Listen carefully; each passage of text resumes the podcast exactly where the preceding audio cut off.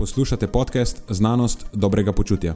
To je oddaja, v kateri odkrivamo, kako lahko znanost pomaga izboljšati vaše počutje in kako kritično razmišljanje omogoča sprejemanje dobrih odločitev na področju zdravja in fitnesa.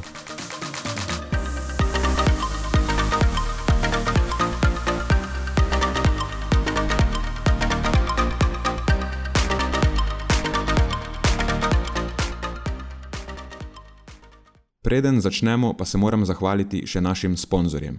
Zaenkrat to še vedno ni velika korporacija, temveč zvesti poslušalci, ki nam izkazujete zaupanje in podporo s prijavo v našo člansko skupino Znanost dobrega počutja. Hvala vsem, ki s tem držite luči prižgane in omogočate podkastu, da raste in postaja še bolj kakovosten. Hvala tudi vsem, ki nas podpirate s pozitivnimi komentarji in visokimi ocenami, ter s tem, da priporočate podcast svojim znancem in prijateljem. Zdaj pa je končno čas za začetek epizode. Uživajte ob poslušanju.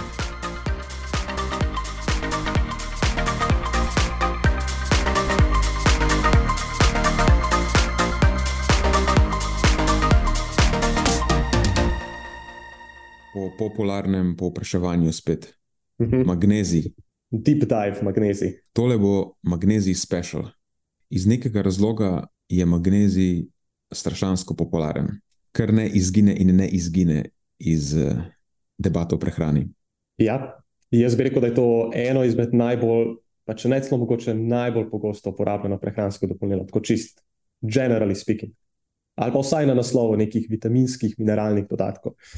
Praktično vsakega športnika, recimo, ki ga jaz vprašam, vedno je magnezij na meniju, pa tudi če ni športnik, vedno je magnezij na meniju. Uh, tako da zanimivo.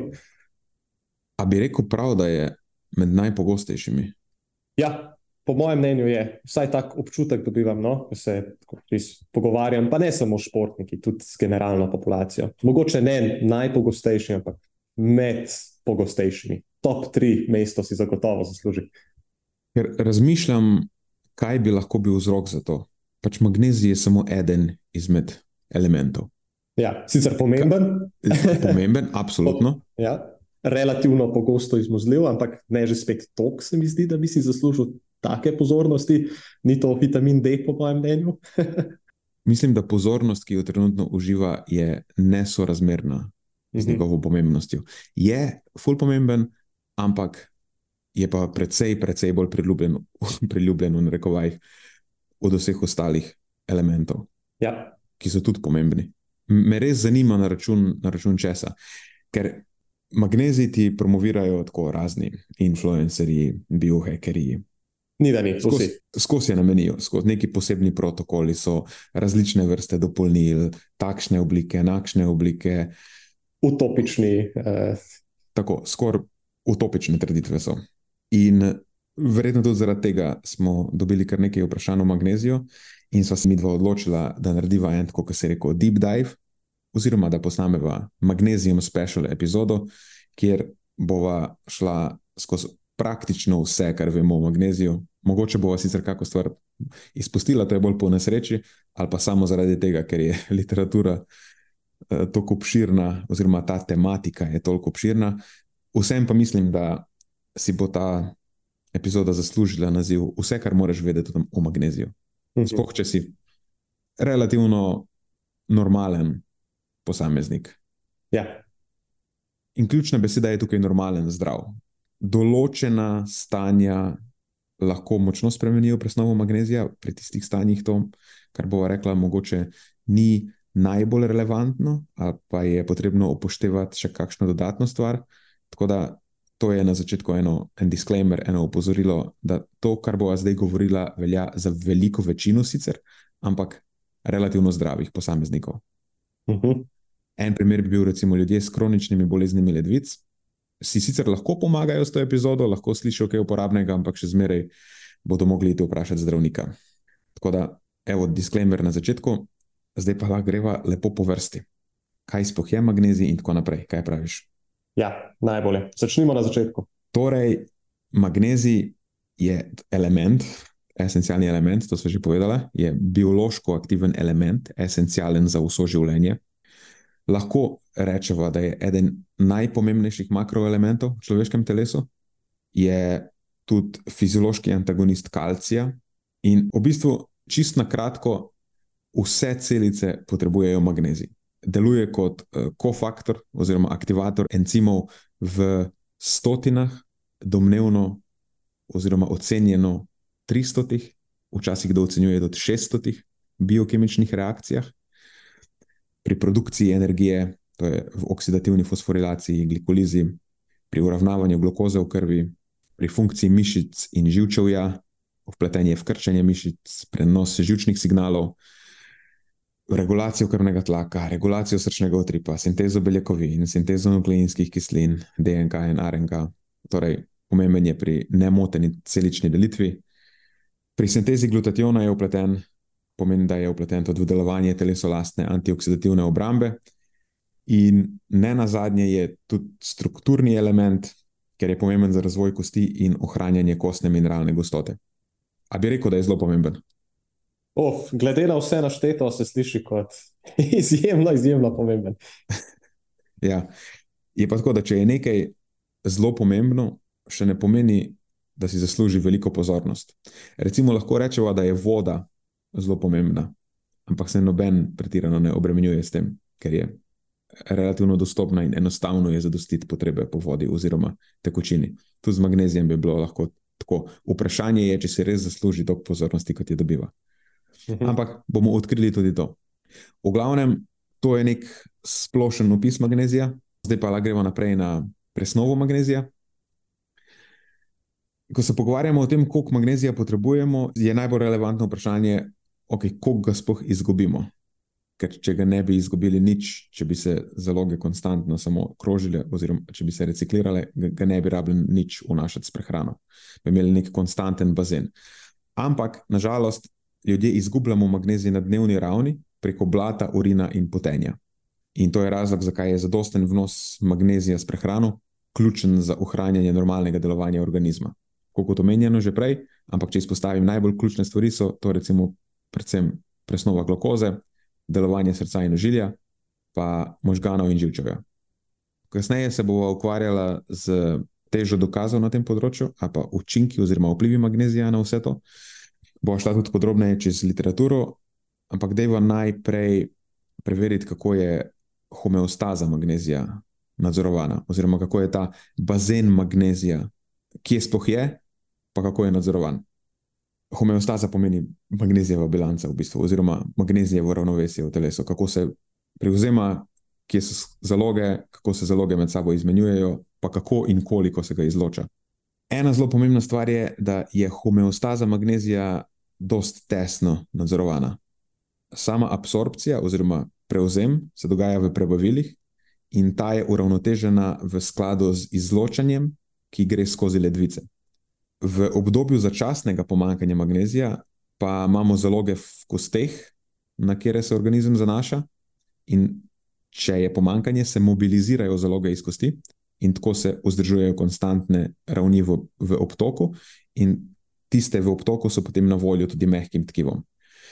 Strnjeno potem lahko rečemo, da je homeostaza magnezija v bistvu odvisna pretežno od treh organov oziroma sistemov. Prebavila so tista, ki prevzemajo magnezij, skelet je tam, kjer je večina zalog magnezija, ledvice so pa tiste, ki magnezij izločajo neki na dnevni ravni, to so izgube, pa tudi odvečen magnezij se lahko izloči čez ledvice. Jaz bi najprej obdelal zaloge, potem bi se lotil prevzema in izločanja. Ja, smiselno. Kaj misliš, koliko magnezija je v človeškem telesu? Uh, ok. Uh, da vem, če si lahko pomagam z dnevnimi potrebami, par sto miligramov na dan, hm, kakih Naj te opozorim, uh mhm. -huh. da so kosti glavni rezervoar. No, to, to je bilo zelo dobro vodilo. Kaj ti kosti imamo kar precej na našem telesu, če se ne motim. Uh, jaz mislim, da se tukaj pogovarjamo o. Hmm. Kljub temu, da res je, kosti so težke, pa da je magnezij tukaj strukturen element, ga je relativno malo, 25 gramov. A, samo, ok. Ja. Torej, kalcij je tisti bolj dominanten. Tako, kalcij je tisti, ki je bolj dominanten. Torej, človeško telo vsebuje okoli 25 gramov magnezija. Tako kot že rečeno, dve, dve glavni zalogi sta. Eno je kostno tkivo, in kostno tkivo po ocenah predstavlja 50 do 60 odstotkov, ali pa tam do dve tretjini vseh zalog magnezija. Tam magnezij skrbi za gostoto, pa trdnost skeleta, vpliva tudi na delovanje osteoblast in osteoklast, ampak to je verjetno sekundarno. Oziroma, sej, to je v bistvu mehanizem, preko katerega se magnezij tudi izloča, pa nalaga na kosti. To je aktivacija oziroma inhibicija, je pol. Najbrž posledica statusa uh, v telesu. V glavnem ima strukturno vlogo, ker je vključen v kostno mineralno gostoto, pa skrbi za trdnost skeleta. In iz tega naslova je potem izčrpavanje kostnega magnezija eden izmed dejavnikov tveganja za zmanjšano kostno mineralno gostoto in osteoporozo. In pol nadalje so druga najpomembnejša zaloga magnezija, če lahko temu rečemo zaloga, ker tukaj ima bolj funkcionalno vlogo. Eh, mehka tkiva, ta predstavljajo okoli 40 odstotkov zalog, oziroma tam eno tretjino, malo več. Tukaj je pa magnezij vključen v regulacijo mišičnih kontrakcij, to je torej več kot polovica teh mehkih tkivih, 25 odstotkov je v mišicah, kjer skrbi za kontrakcijo, predvsem, oziroma normalno delovanje mišic. Eh, poje pa še v živčevju je kar nekaj magnezija, ker tam je pa zadolžen za prenos živčnih signalov, pa praktično v vseh celicah mehkih tkiv je magnezij pomemben, ker obstaja verjetnost, da je upleten tudi v celično signaliziranje, mogoče tudi kot sekundarni sporočevalec, če je to slovenska beseda. Ampak je pa zanimivo, na tej točki sem se zdaj spomnil, koliko enih stvari v magneziju pravzaprav še ne vemo. Že osnovna fiziologija magnezija je nekaj, kar ne moremo reči, da do potankosti poznamo. Ja, jaz sem, uh, jaz sem tudi presenečen, glede na to, koliko se magnezij opeva, pa kako pogosto ga športniki jemljajo. Tudi raziskave na naslovu dopolnjevanja z magnezijem pri športnikih, kako pomankanje imamo na tem naslovu, kako stvari ne vemo dejansko. Drži. Pa to o, o sami osnovni fiziologiji. Kaj šele, ko pridemo do dopolnil, pa različnih oblik, vse v tem pa na koncu, ampak tisto je pa sploh smešno. Ok, dalje, Naslednja stvar, še en kompartment obstaja. Kako je slovenska beseda za kompartment? Uh, še eno področje, še en predalček, po domače povedano. Okay, še en predalček, v katerem je magnezij v človeškem telesu. Je, je pa obtok, uh mhm. -huh. torej koliko magnezija kroži po telesu, in tukaj je odstotek zelo nizek. Najbolj uh, optimistična, če temu lahko rečeš, ocena je en odstotek vsega magnezija, ampak mhm. najbrž bliže pol ali pa še manj odstotka, tudi nič cela tri odstotka vsega magnezija v telesu. Je Verjetno je to potem relevantno, ko pride do kakih meritev samega magnezija? Zelo relevantno. Ampak spet več o meritvah kasneje. En pomemben kos informacije tukaj je še, da so koncentracije magnezija na površini kosti dokaj tesno povezane z serumskimi ravnmi oziroma magnezijem v obtoku. In to nakazuje na to, da je nek konstanten pretok magnezija med kostmi in obtokom. Torej, ko ga je v obtoku manj, se izloča iz kosti, ko ga je v obtoku zadost, se lahko ali usrkava v tkiva ali nalaga na kosti. Tako da je vedno neka izmenjava magnezija poteka v odvisnosti od statusa magnezija v telesu oziroma vnosa s prehrano. In z vnosom s prehrano smo zdaj pri naslednji točki, ki je prevzem magnezija kako ga sploh dobiš v telo. Mi mislim, da je to lahko naslednja postaja. Že prej smo rekla, da je tako skozi prebavila, kako pa drugače. Prebavila so tiste, ki so zadolžene za prevzem eh, iz prehrane ali pa iz prehranskih dopolnil.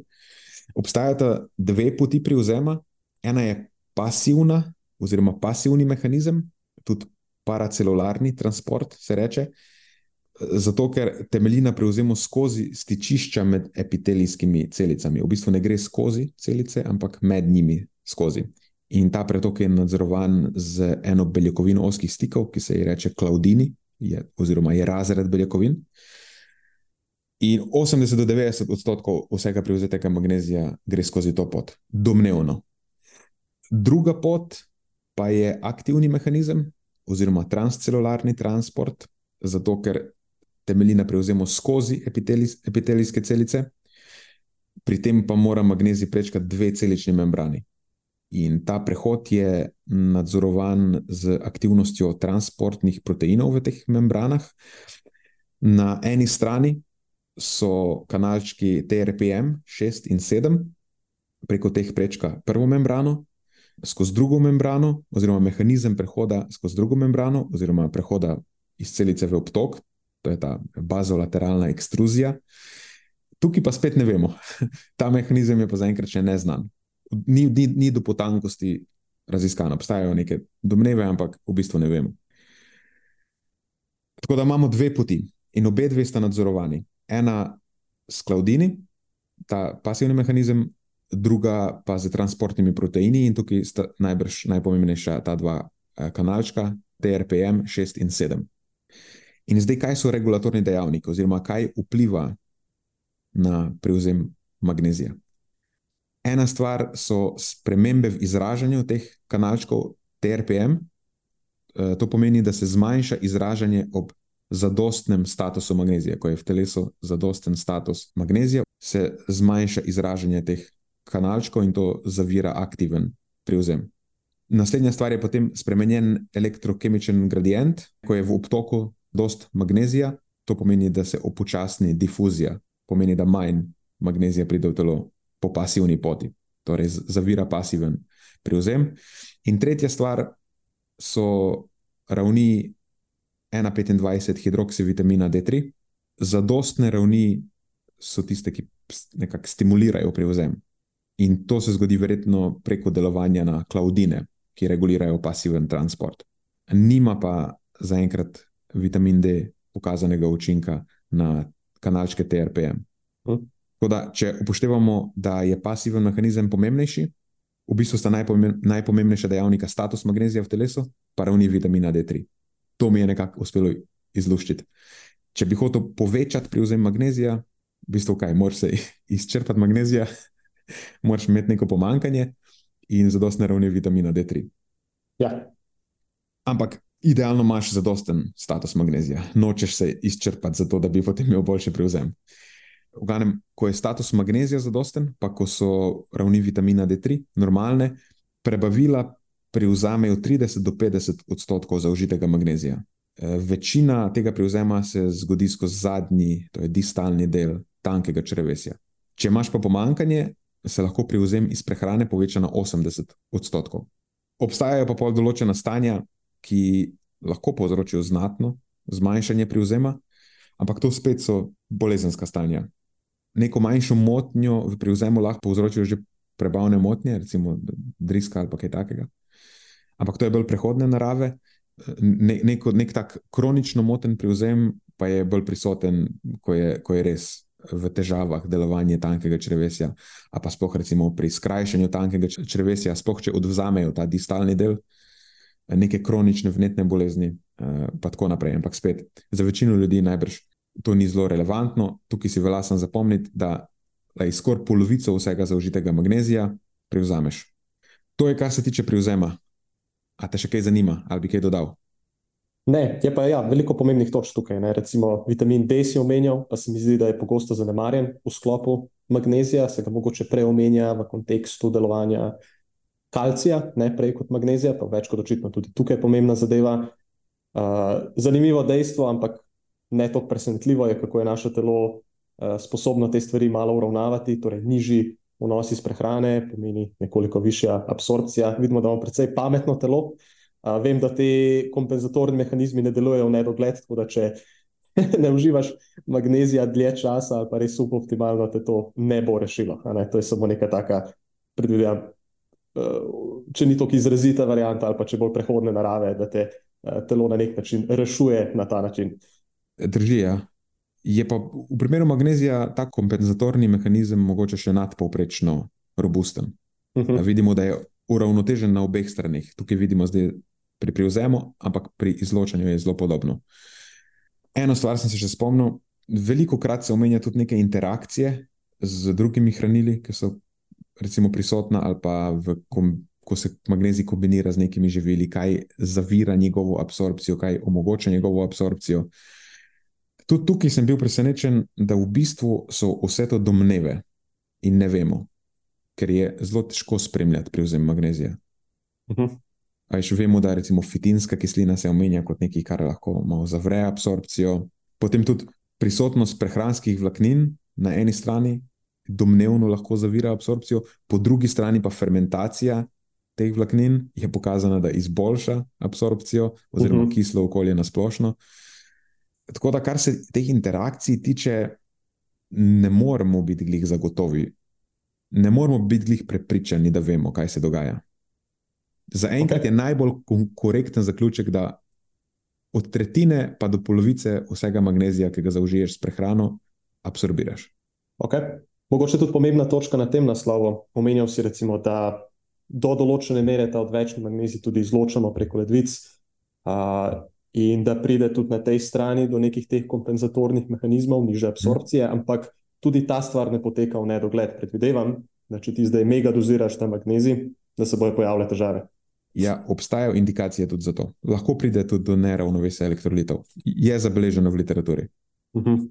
Tako da mogoče že na tej točki pozor, pa vem, da se bo še podrobneje o dopolnilih pogovarjala, ampak uh, neko, a veš, na pamet dopolnjevanje in mega doziranje magnezija iz vseh naslovov, kar se lahko v moderni prehrani relativno hitro zgodi. A veš, Ja. imaš multivitamin, imaš šobečko, en donat spiješ po vrhu in tako, ko imaš že nek baseline vnos magnezija iz prehrane, pa lahko pride do težav.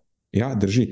Sploh če upoštevaš, da je pasivni mehanizem glavna pot prevzema in nekako po pravilu so pasivne oblike transporta lahko manj nadzorovane kot aktivne. Ne? Če Mhm. imaš na drugi strani, recimo, da zaužívaš veliko magnezija, je ta elektrokemični gradient tisti, ki bo pač potisnil magnezij noter. Skor. Mislim, ja, sej tukaj so klaudini, ki pa to nadzorujejo, ampak bo šel lažje čez, kot če bi, mogel, če bi bila izključno pot preko dveh celičnih membran Uh -huh. a, kjer imaš ti, ne, kjer dejansko membrana nekako trdno loči notranjost in zunanjost. Trdno v narekovajih, seveda. ja, Ok, so prispela do izločanja. res je. Glavna pot, definitivno so ledvice, oziroma preko urina. To je velika večina magnezija, zapusti telo skozi urin. Glomeruli dnevno filtrirajo 2400 mg magnezija, torej, ajde rečemo 2,5 grama magnezija. Ampak več kot 90 odstotkov, tam do 95 odstotkov magnezija se v normalnih pogojih resorbira potem vzdolž nefrona. Tako da izgube skozi urin znašajo zgolj 5 do 10 odstotkov tega vsega filtriranega magnezija, in to je v številkah okoli 100 mg na dan. Ta številka se lahko spremenja v odvisnosti od tvojega vnosa in statusa. Pokazano je relativno dosledno, da pri vnosu manj kot 250 mg magnezija na dan, to je torej še manj od priporočenega, do priporočil še pridemo, ampak torej pri manj kot 250 mg na dan je izguba 40 do 80 mg na dan, torej bistveno manj od tega povprečja stotih. Pomeni, da ledvice zadržujejo magnezij pri nizkem vnosu. Mhm. Če pa je vnos več kot 250 mg na dan, se pa lahko izguba poveča tudi do 160 mg na dan. Lahko tudi več, ampak to je neka splošna ocena. Okay. To je više, definitivno, pa potem pa pomisliš na večino prehranskih dopolnil, ki je na razpolago, ki presežejo to številko dva ali trikrat, Ja, pa pridemo do tja. Ne? na tej točki v bistvu ne vemo, kaj se pol dogaja. Če nore doze suplementiraš vsak dan, verjetno ima ta kompenzatorni mehanizem še lufta Uh -huh.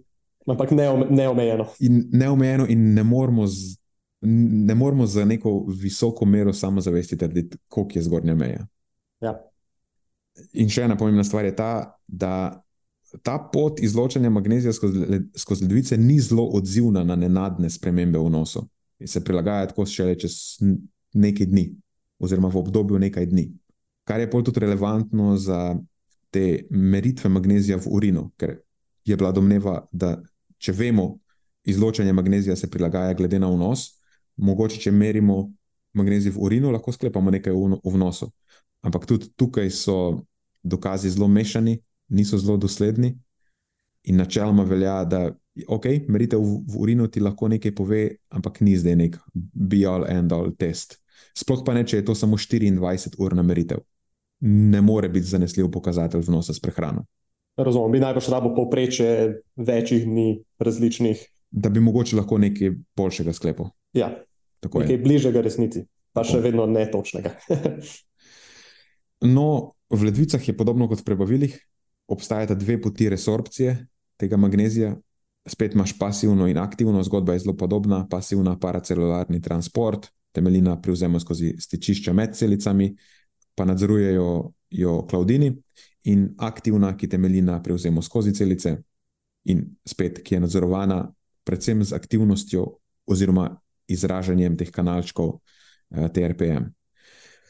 Regulatorni dejavniki so spet zelo podobni. Zadosten vnos zmanjša izražanje kanalčkov TRPM, zavira resorpcijo. Če je spremenjen elektrokemičen gradient, ker je veliko magnezija v obtoku, spet upočasnjena difuzija, ob zadostnem vnosu to zavira resorpcijo.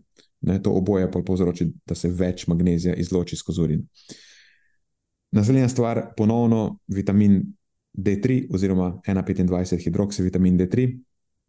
Zadostne ravni bodo stimulirale resorpcijo, spet verjetno preko delovanja na klaudine. Tukaj je vse posod verjetno potrebno reči, ker tako, tako, najbrž. Aha, še eno stvar sem pozabil omeniti: estrogen. Estrogen je bil pokazan, da stimulira izražanje kanalčkov TRPM.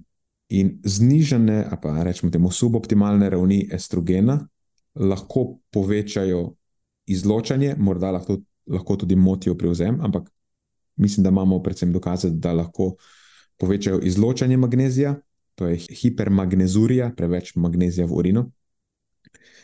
In to je relevantno predvsem za ženske po menopauzi ali pa ženske z motnjami v menstrualnem ciklu. Tako da to so ena izpostavljena skupina. Čeprav do izpostavljenih skupin še pridemo, ampak na tej točki je to relevantno. In to je glavna pot skozi ledvice. Filtrira se veliko magnezija skozi ledvice, ampak zelo malo ga dejansko zapusti telo. Regulatorni dejavniki so podobni kot pri samem privzemu s prehrano, tudi za resorpcijo. In ja, na koncu okoli 100 mg magnezija. Ampak, poleg tega imamo pa še alternativne poti izgube magnezija. Z, v, v bistvu magnezij se izgublja z vsemi telesnimi tekočinami, ampak v precej manjši meri. In zdaj, Matjaš, rekel si prej, da je pri športnikih zelo popularen. Zakaj ga športniki dodajajo? Ja, najpogosteje je v kontekstu mišičnih krčev. Uh, Oziroma, se veš, to je, ko vprašaš človeka, je pogosto jemljem kar tako za vsak slučaj. Veš, če mi ne pomaga, mi že škoditi ne more na to varianto. Ampak ja, pogosteje pa zagotovo v kontekstu mišičnih krčev. Da... Ampak pred, to je najbrž predvsem pod neko predpostavko, da se veliko magnezija izgubi s potenjem. Uh mhm. -huh. Ker če pogledaš te popularne, eh, recimo, rehidracijske napitke, vsi vsebujejo precej magnezija. Tudi nek sales pitch je ta magnezij ja. v teh zadevah. Pa ironično vsebuje precej manj tistih mineralov, predvsem natrija, ki pa se dejansko veliko izgublja s potenjem. Uh, tako da ne vem, neki podatki, ki sem jih jaz recimo zasledil, uh, oziroma malo mešanih rezultatov, ampak deva štartati s to raziskavo od konsolazija in sodelavcev, to je iz leta 63, seveda je bilo ogromno raziskav narejenih tudi potem, ampak to je bil eden izmed pionirjev na tem področju, bi jaz rekel. Um, Tukaj poročajo podatki, da so izgube mineralov skozi potenje približno 0,6 gramov natrija, natrija kot natrijev klorid, najdemo v kuhinjski soli na, na uro, nič celih 1,25 gramov na uro za kali, potem pa, pazi to, 2,3 mg magnezija na uro in nič celih 1,3 mg železa na uro. Tako da, eh, ok, pa še neke minimalne izgube fosforja, ampak to mogoče tudi ni zdaj najbolj relevantna zadeva. Uh, kasneje je, kot sem omenil, potekalo še precej različnih raziskav na to temo, tako da lahko najdemo malo mešane podatke, ampak relativno podobni, pa predvsem mešani na naslovu natrija, zakaj temu tako se lahko pogovarjava. Ampak neka osnovna razlika, če se tukaj pogovarjamo o 0,6 gramov na uro za natrij ali pa 2,3 mg na uro za magnezij, to je dobesedno 250 kratna razlika. Ne. Neverjetno, sem ogromno.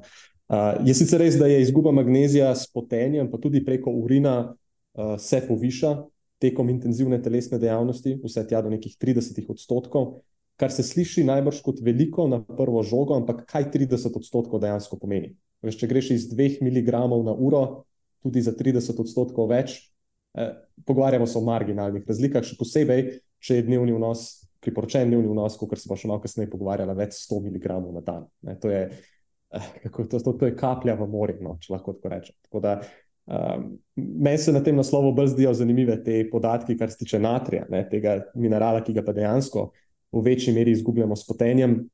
In tukaj pa imamo neke boljše indikatore, da pa je ta zadeva res povezana s pojavnostjo mišičnih krčev. Uh, je zanimiv, tukaj so pa podatki precej variabilni, uh, v smislu tega, da nekateri izgubljajo precej več natrija s potenjem, spet drugi manj. Uh, zdaj je to nek genetski faktor, ki je v igri, mogoče ima spol nek faktor, intenzivnost telesne dejavnosti bi tudi mogoče znal biti eden izmed pomembnih faktorjev, ki so v igri, uh, način, kako so imeli vzorce potenja, uh, dejstvo, a posameznik na splošno poje več soli iz prehrane ali ne, uh, ali je vse to našteto, kar sem zdaj omenil, realno ne vemo v tej točki, ampak je pa dejstvo, da bolj kot smo aktivni, najbrž ne pomeni, da rabimo bistveno več magnezija zaradi potenja in izločanja skozi urin, rabimo pa bistveno več natrija oziroma soli. Absolutne številke so pomembne pri posamezniku.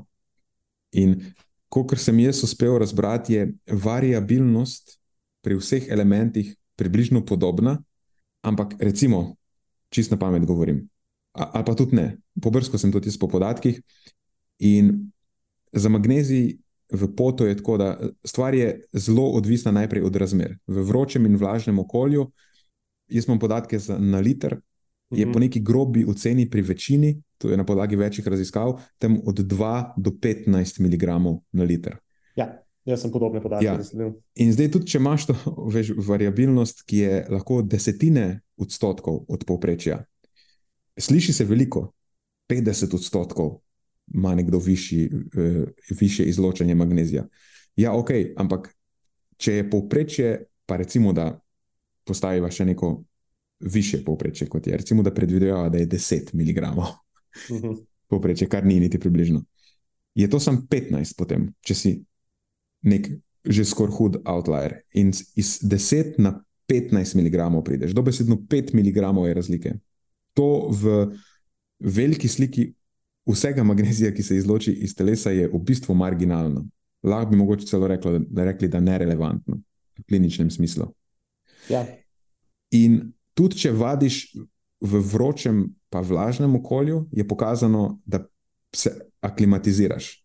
In domneva je, da lahko aklimatizacija na vročino zmanjša izgube skozi potenje za okoli 40 odstotkov.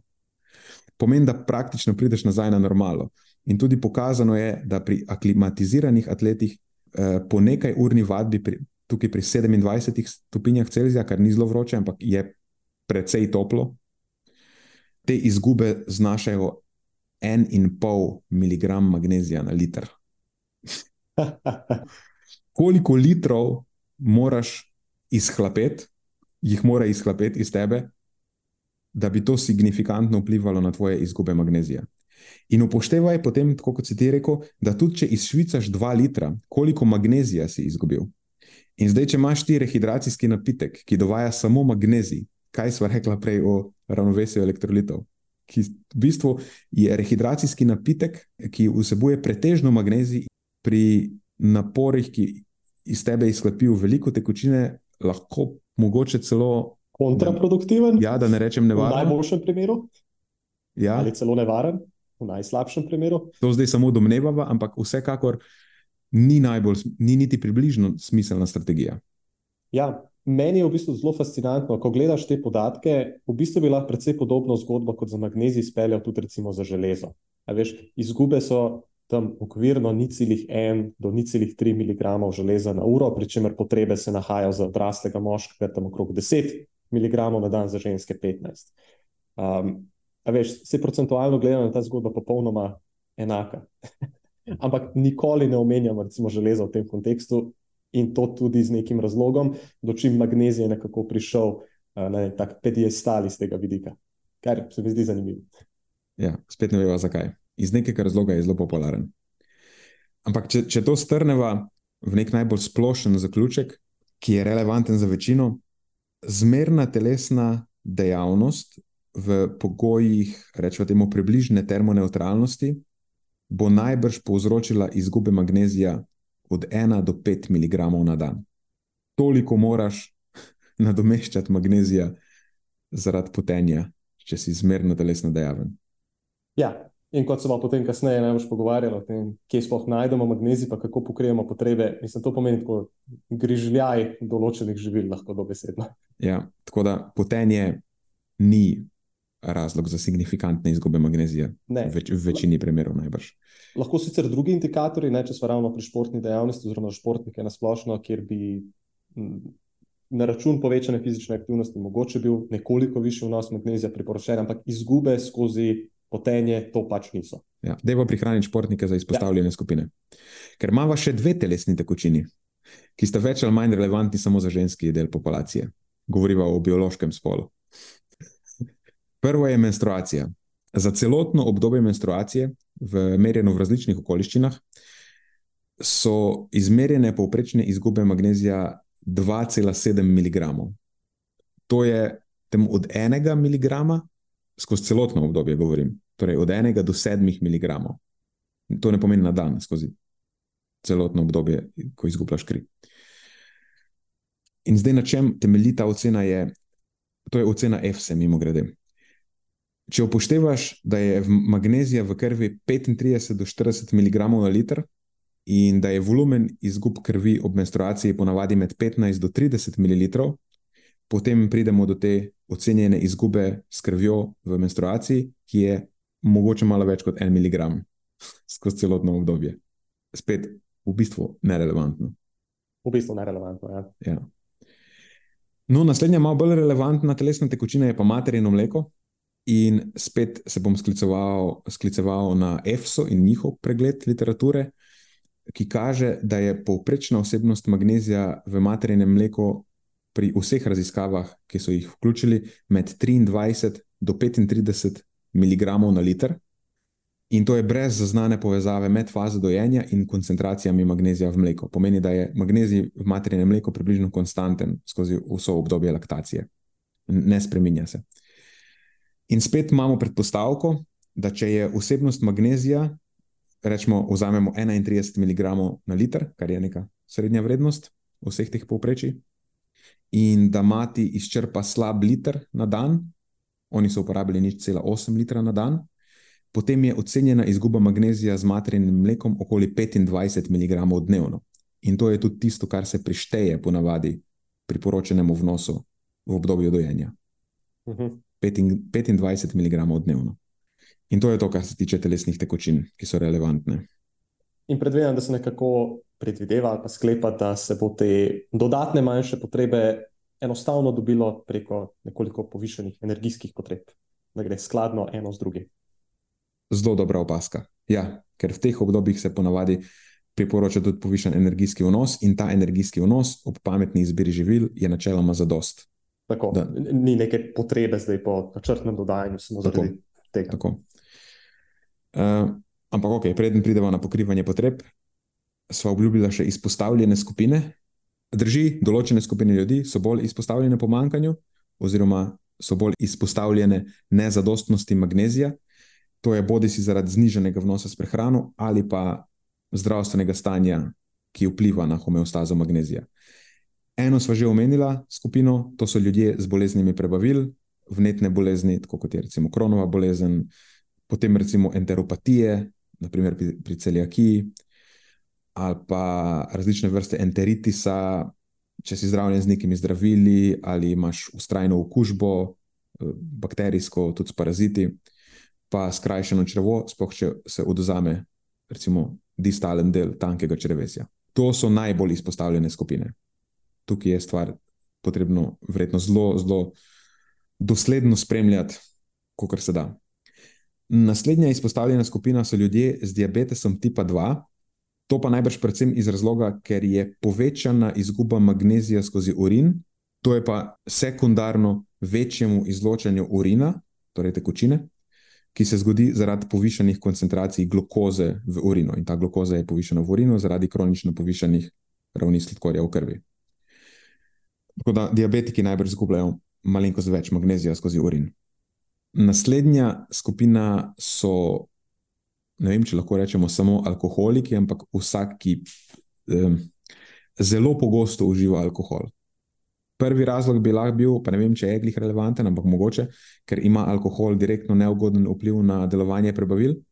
Po domači lahko rečemo, da je imel iritant za prebavila ali pa toksičen za prebavila, če se lahko dovolim to besedo. Eh, pa tudi pokazano je, da je pri ljudeh z višjim vnosom alkohola večja razširjenost pomankanja vitamina D, kar potem lahko posledično vpliva tudi na prevzem magnezija.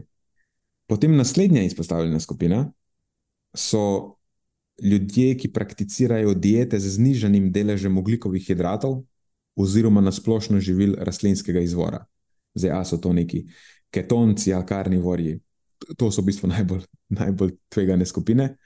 Imamo tudi sistematičen pregled Čuruangsuka in sodelavcev iz 2019, ki je pokazal, da je pri takem načinu prehranjevanja zelo dosledno znižana vsebnost magnezija v prehrani, in v praktično vseh raziskavah vključenih se giba med 10 do 50 odstotkov, v večini celo 20 do 50.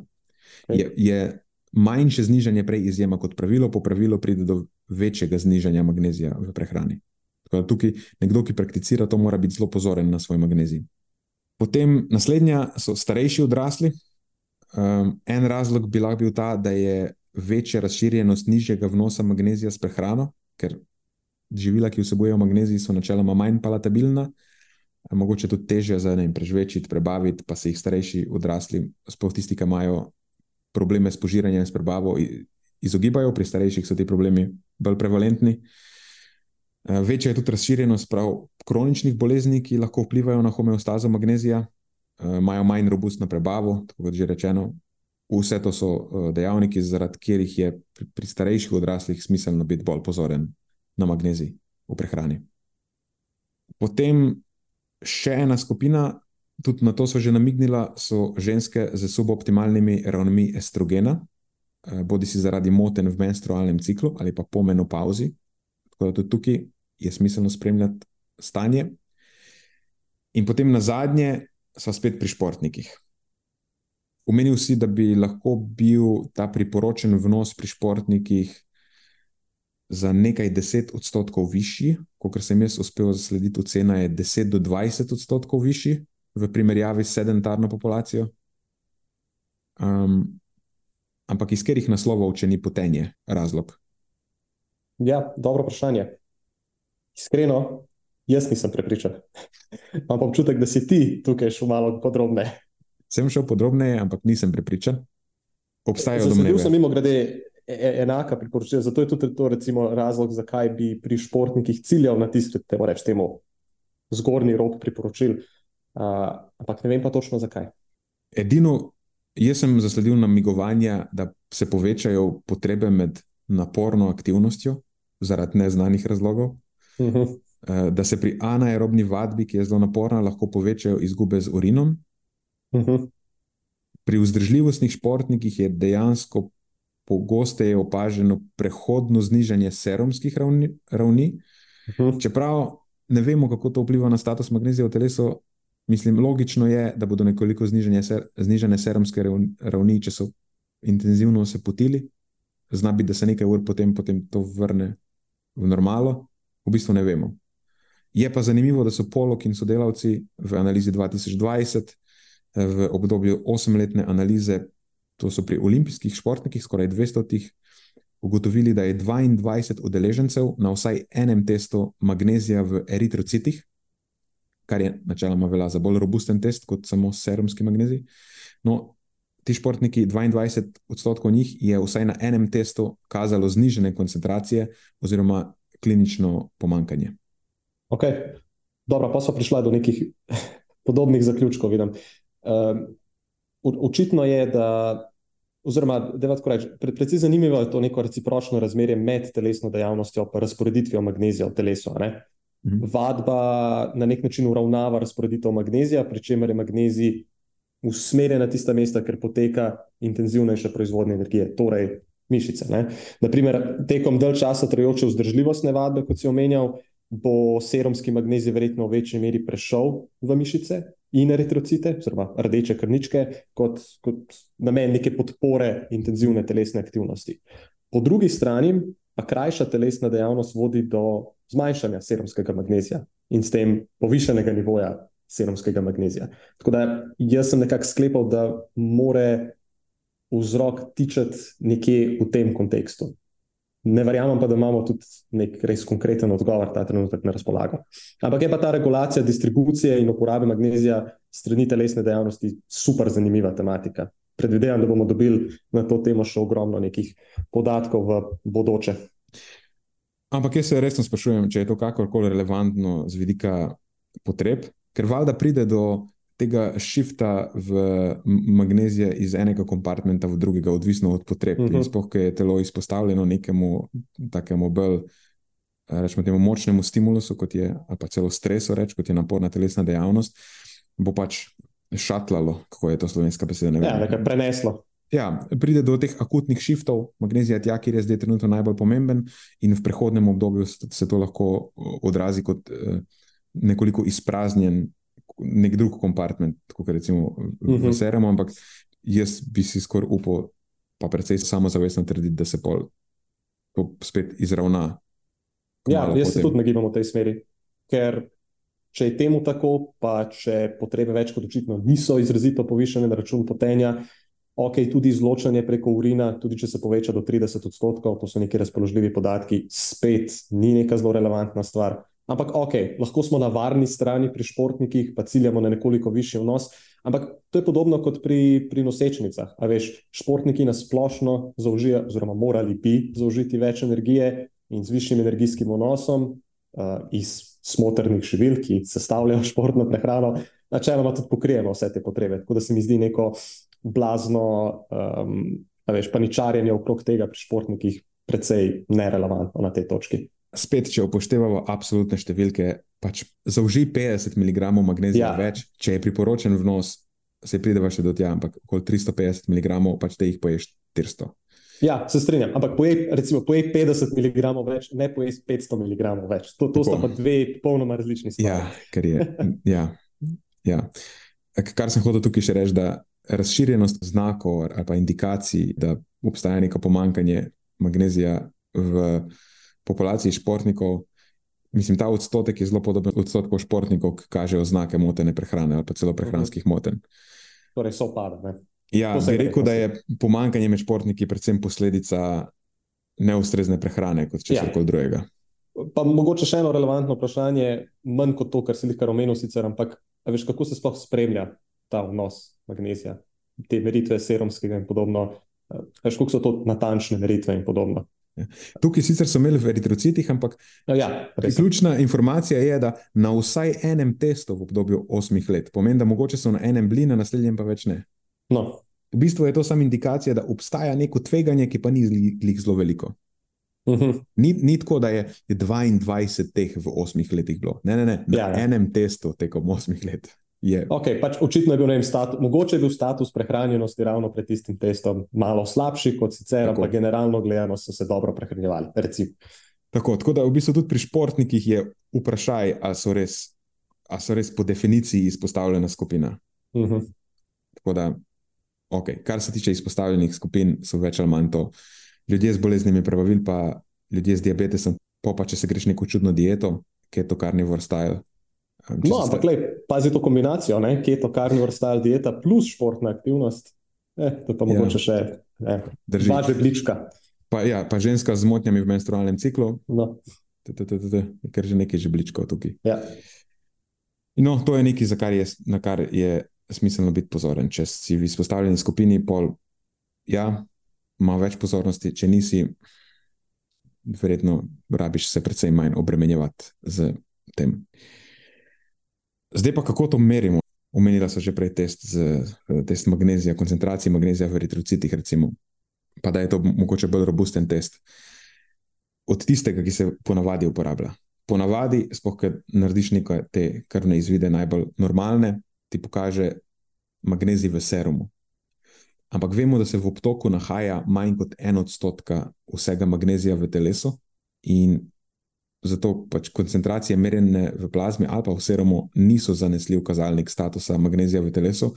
Plus upoštevati je potrebno še, da vemo, da prihaja lahko do akutnih teh shiftov v kompartmentih. Lahko je začasno znižen magnezij v serumu, ali pa recimo začasno malo višji, pa to v bistvu ne odraža dobro stanje.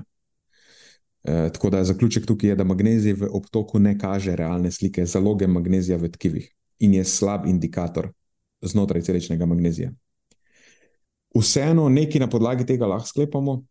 Serumske koncentracije magnezija pri ljudeh, ki ne kažejo simptomov pomankanja, so ponavadi tam okoli nič cela 75 do nič cela 95 milimolov na liter. Oziroma, obstaja še širša ocena, ki je nič celih 65 do 1,05 milimola na liter. Ampak bolj splošno sprejeta je prva, torej nič celih 75 do nič celih 95 milimola na liter.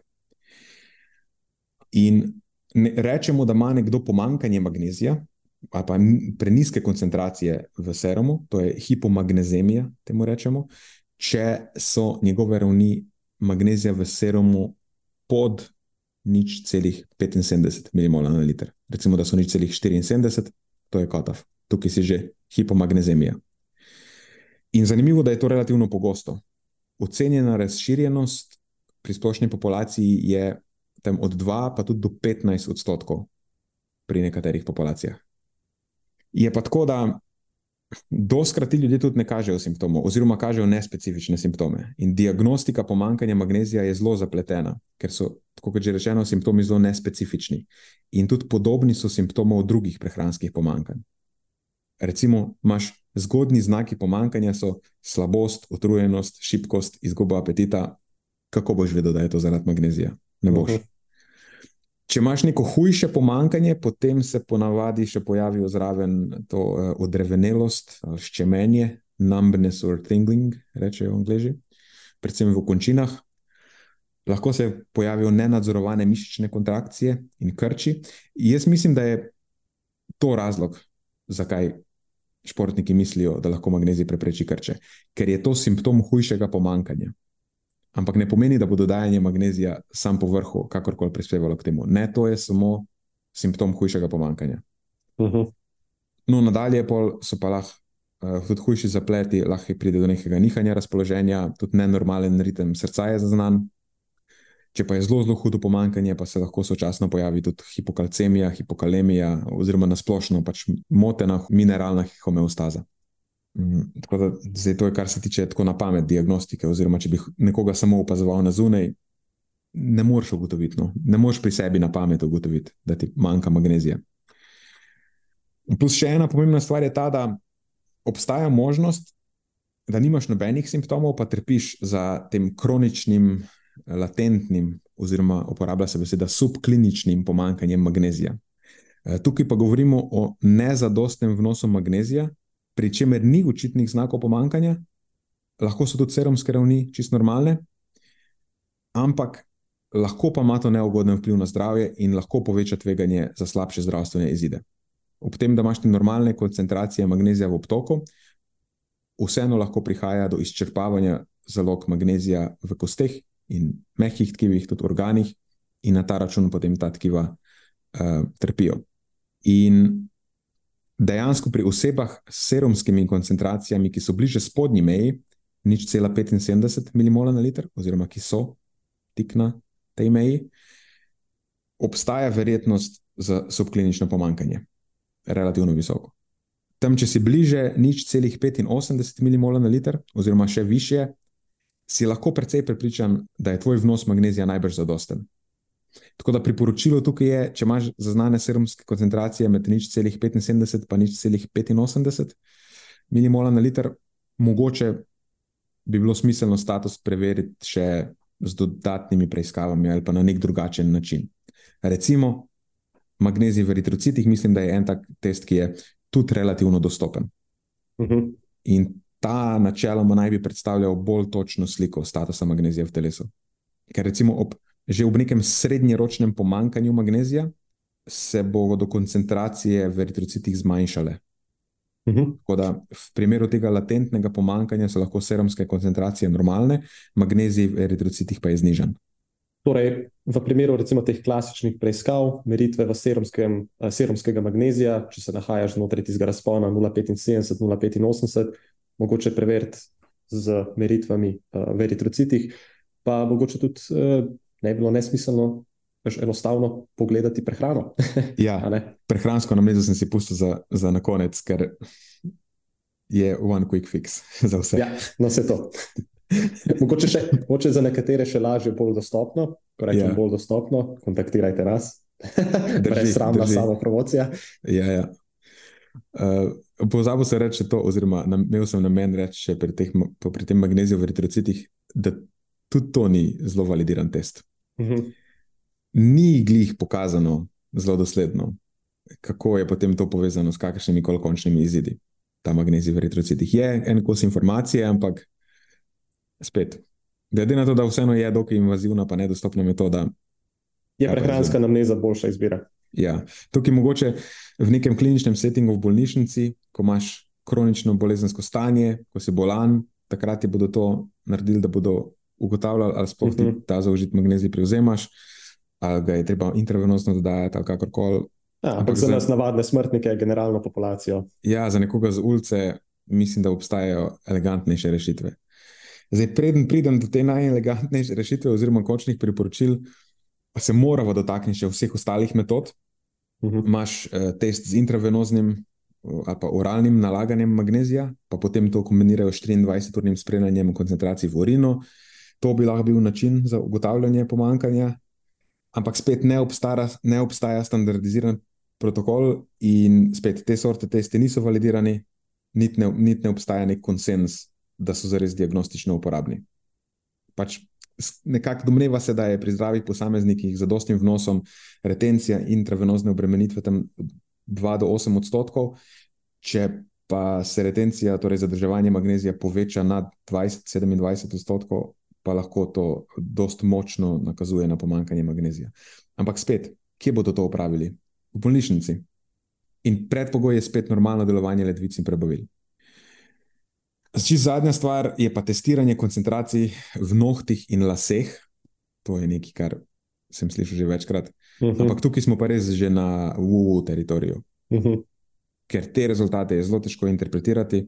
Povezava z vnosom in pomanjkanjem, pa koncentracijami v nohtih in laseh, v bistvu sploh ni dobro potrjena.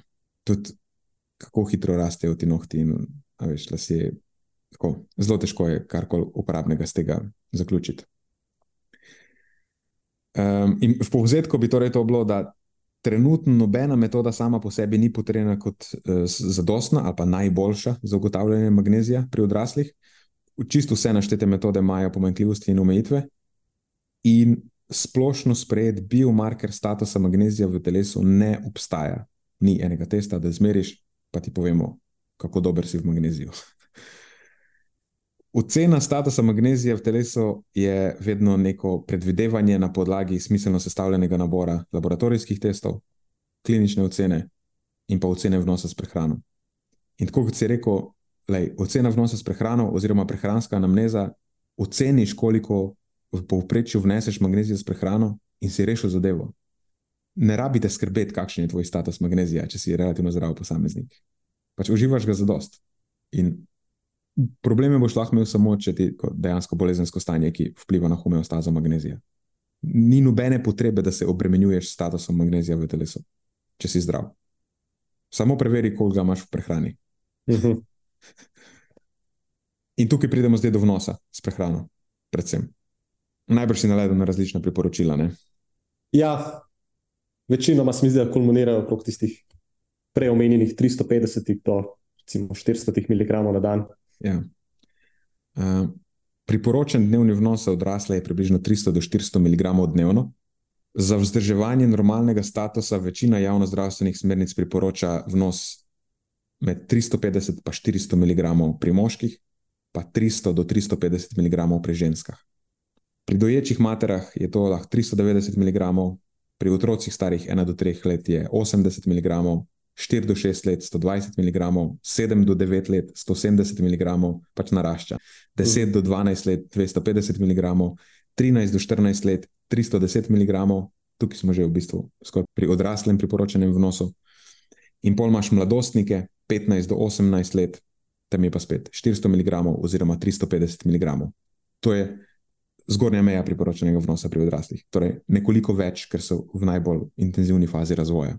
Um, je pa tako, EFSA v svojem znanstvenem stališču iz 2015 o referenčnih vrednostih za vnos magnezija pravi, oziroma je sklenila, da ta zadnja združena analiza bilančnih raziskav pri odraslih nakazuje, da bi lahko magnezijevo bilanco, um, to pomeni uravnotežen prevzem in izločanje, oziroma vzdrževanje nespremenjenih zalog v telesu, dosegli že z vnosom nad 165 mg na dan.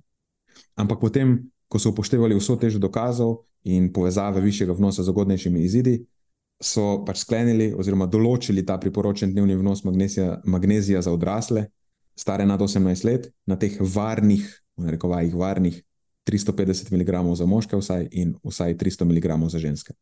Tako da v bistvu so tudi ta priporočila malo, v bistvu duplirana so. Upoštevajo, da se ne absorbira več. Uh mhm. -huh. Ampak vseeno, ne, sej bilančne študije kažejo, da je že pri 165 mg mogoče. Kar je logično, oziroma čist pričakovano, če so prej rekla, da se ga izloči dobrih 100 mg. Tudi če upoštevaš, da se ga samo polovica absorbira, je teh 165 mg dovolj. Ker pri vnosu pod 250 mg na dan se ga izloči samo dobrih 50 mg v bistvu, ker ga zadržujejo ledvice. to je razlog, zakaj ni simptomov pomanjkanja magnezija v sodobni populaciji. Ker se moraš res potruditi, da ti ga zmanjka. Je ja, pa domač povedano, zelo za nič prehrano moraš imeti. Ja, je pa res, smo omenili, obstaja nevarnost latentnega pomankanja, oziroma ni rečeno, da če nimaš pomankanja ali ne kažeš znakov pomankanja, da ne bi bilo boljše uživati nekoliko več magnezija, pa imeti optimalnega statusa magnezija, ker bo to bolj ugodno za tvoje zdravje. Da, ne pravim sem, da težko si je pridelati pomankanje, ampak verjetno je dobro poskrbeti za višji vnos magnezija uh mhm. -huh. v okviru priporočenega vnosa. Um, ampak sej, pridemo do literature na tem področju zdaj koliko dejansko je višji, mogoče še celo višji vnos povezan z izidi. Tukaj na tej točki je mogoče samo kako razširjen je ta nezadosten vnos, ker neka najbolj splošna ocena, kot je prej rečeno, je 2 do 15 odstotkov. Um, je pa dejstvo, da vnos magnezija s prehrano se je v večini zahodnih držav v zadnjih nekaj desetletjih znižal.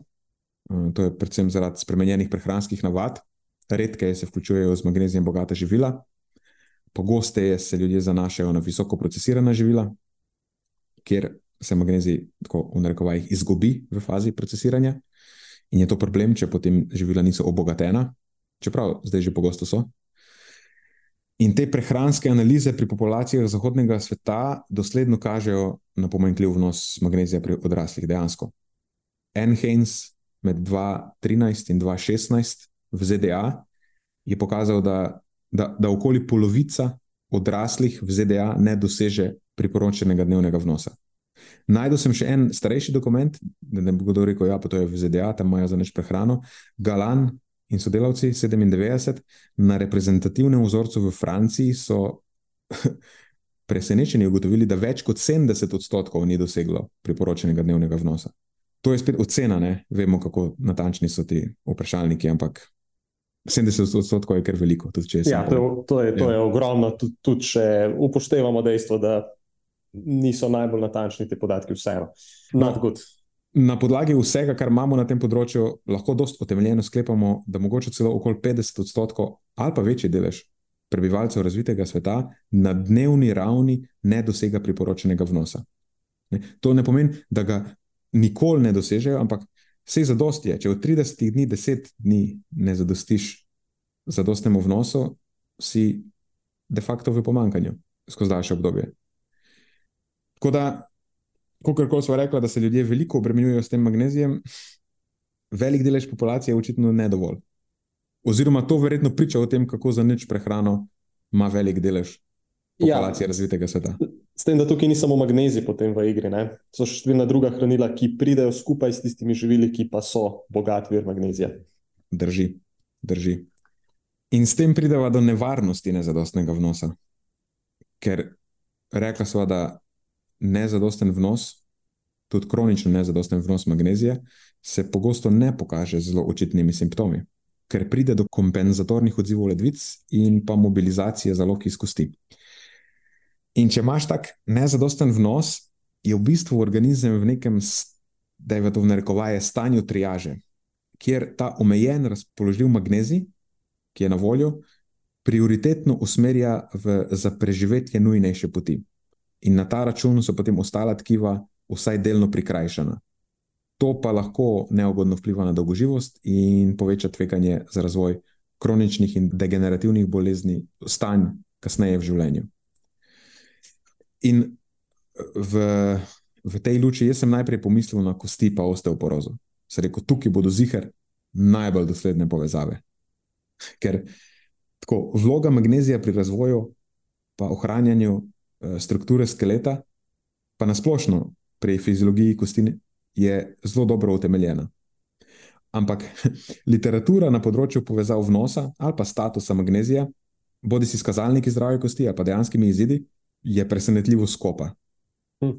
Ni zaenkrat pokazana nobena posebno trdna povezava vnosa ali statusa magnezija s kostno mineralno gostoto, tveganjem za zlome ali pa tveganjem za osteoporozo. Edino, kar imamo relativno upremljivo, je pokazan nižji serumski magnezij pri ženskah z osteoporozo v primerjavi z zdravimi kontrolami. Ampak to je samo povezava. Tako da zaenkrat lahko rečemo edino to, da je prehrana, ki bo vsebovala zadosten magnezij, verjetno lahko pričakujemo, da bo ugodna za zdrave kosti. Ampak kako točno, pa s kakšnim učinkom magnezij igra vlogo v preventivi pred izgubo kostne mineralne gostote, v preventivi pred osteoporozo oziroma zlomi, to je pa zaenkrat še pod vprašanjem. A obstaja kakšna povezava pri športno specifičnih poškodbah ali pa zlomih? Konkretno z magnezijem? Ne. Ja, ne obstaja. Ne? Ne. ne, ker nisem tudi jaz našel nič. Tudi z osteoporozo, kostno mineralno gostoto. To pa, to pa iskreno nisem prepričan. Ja, se tudi jaz, jaz sem iskal, pa nisem našel. Tako da, jaz sem bil presenečen, no, sem to bom rekel na tej točki. Uh mhm. -huh. Je pa potem naslednja stvar, tukaj pa imamo, jaz mislim, največ dokazov zdravja srca in ožilja.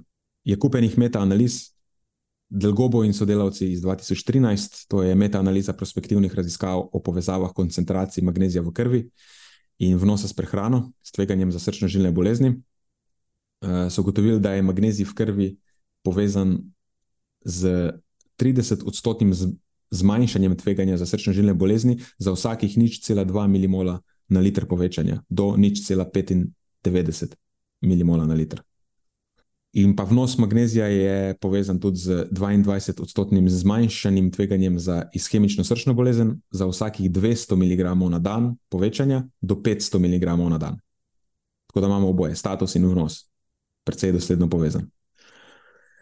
Po so Fang in sodelavci 2016 meta-analiza prospektivnih kohortnih raziskav o povezavah vnosa magnezija s tveganjem za srčno-žilne zaplete so ugotovili dosti podobno, da je vnos magnezija povezan z 22 odstotkov zmanjšanim tveganjem za odpoved srca, za vsakih 100 mg na dan povečanja do 350 mg na dan, pa da je vnos magnezija povezan s 7 odstotnim zmanjšanjem tveganja za možgansko kap za vsakih 100 mg na dan povečanja do 450 mg na dan. Pol imamo pa še eno metaanalizo, oziroma dve. Ena je Marquez in sodelavci 2019. Eh, metaanaliza randomiziranih kontroliranih raziskav o vplivu oralnega dopolnjevanja magnezija na vaskularno funkcijo. Eh, je pa zanimivo, da tukaj niso ugotovili signifikantnega učinka na um, to so mere vaskularne funkcije, flow mediated dilation in pulse wave velocity. Eh, je pa potem analiza podskupin pokazala signifikantno izboljšanje obeh markerjev pri oralnem dopolnjevanju magnezija pri nezdravih udeležencih pri tistih, ki imajo indeks telesne mase nad 25 kg na kvadratni meter, pomeni, da so v bistvu pretežki, imajo neugodno telesno maso, pri tistih, ki so starejši od 50 let, in vse to, če je dodajanje trajalo več kot 6 mesecev. Tako da v bistvu vidimo, da samo izpostavljene skupine, za katere lahko utemeljeno sklepamo, da imajo nezadosten vnos prehrano. Dodajanje je edino tam vplivalo na kazalnike vaskularne funkcije. In večina študij ni preverjala, niti kontrolirala za status ali pa vnos magnezija. In to je pri vseh teh metaanalizah z dopolnili. Praktično nobena raziskava se ne vpraša na začetku, a vi ljudje sploh zauživate za dost magnezija, pa ga bomo za brez veze dodali po vrhu. In je zelo težko ugotoviti, tudi če raziskava kaže ugoden učinek, lahko utemeljeno sklepaš, da ti ljudje pač niso zaužili za dost magnezija s prehrano, glede na prevalentnost nezadostnega vnosa. Tako da, ja. mislim, to bo, to bo, to bo, to bo pri, v bistvu pri vseh metaanalizah kontroliranih raziskav, tako, uh, ki jih bo šla čez. No, in poje še ta druga, KAS, Wicks in Carpenter iz 2012 je metaanaliza randomiziranih kontroliranih raziskav o vplivu dodajanja magnezija na krvni tlak. Spet, večina študij ni preverjala za status ali vnos magnezija, so pa vseeno tukaj združeni rezultati pokazali, da dodajanje magnezija, ne glede na odmerek, zniža sistolični krvni tlak za 3 do 4 mm živega srebra in diastolični tlak za 2 do 3 mm živega srebra. Je pa potem pod analiza odmerka pokazala, da do tega znižanja pride na od odmerka odvisen način. Ločili so v bistvu dve skupini. Odmerek nad 370 mg na dan je pokazal večji učinek v primerjavi z odmerkom pod 370 mg na dan. Tako da, če zdaj vse to strnem iz tega področja, definitivno lahko rečemo, da je zadosten vnos magnezija ena izmed pomembnih komponent prehrane za preventivo pred srčno-žilnimi zapleti, ker vpliva tako na markerje, kot na same izide, in da je ta učinek verjetno direkten, pa neodvisen. Um, ker spet imaš močne in dosledne povezave eh, s tveganjem za srčno-žilne izide, in obstajajo tudi precej dobri dokazi, da vnos magnezija že na relativno kratek rok vpliva in na krvni tlak, in na delovanje ožilja. Odmerek je pa nič strašnega. Zgornji kot office je v najvišjem primeru 500 mg na dan. In govorimo o vnosu s prehrano, ne sploh z dopolnilom. Um, v večini pa že 350, tako da spet je inline s priporočili. Vse, kar je več kot to na podlagi trenutne literature, je brez veze, kar se tiče srca in ožilja. Pol naslednje področje, kjer imamo kar nekaj ok dokazov, je uravnavanje glukoze v krvi, pa diabetes tipa 2.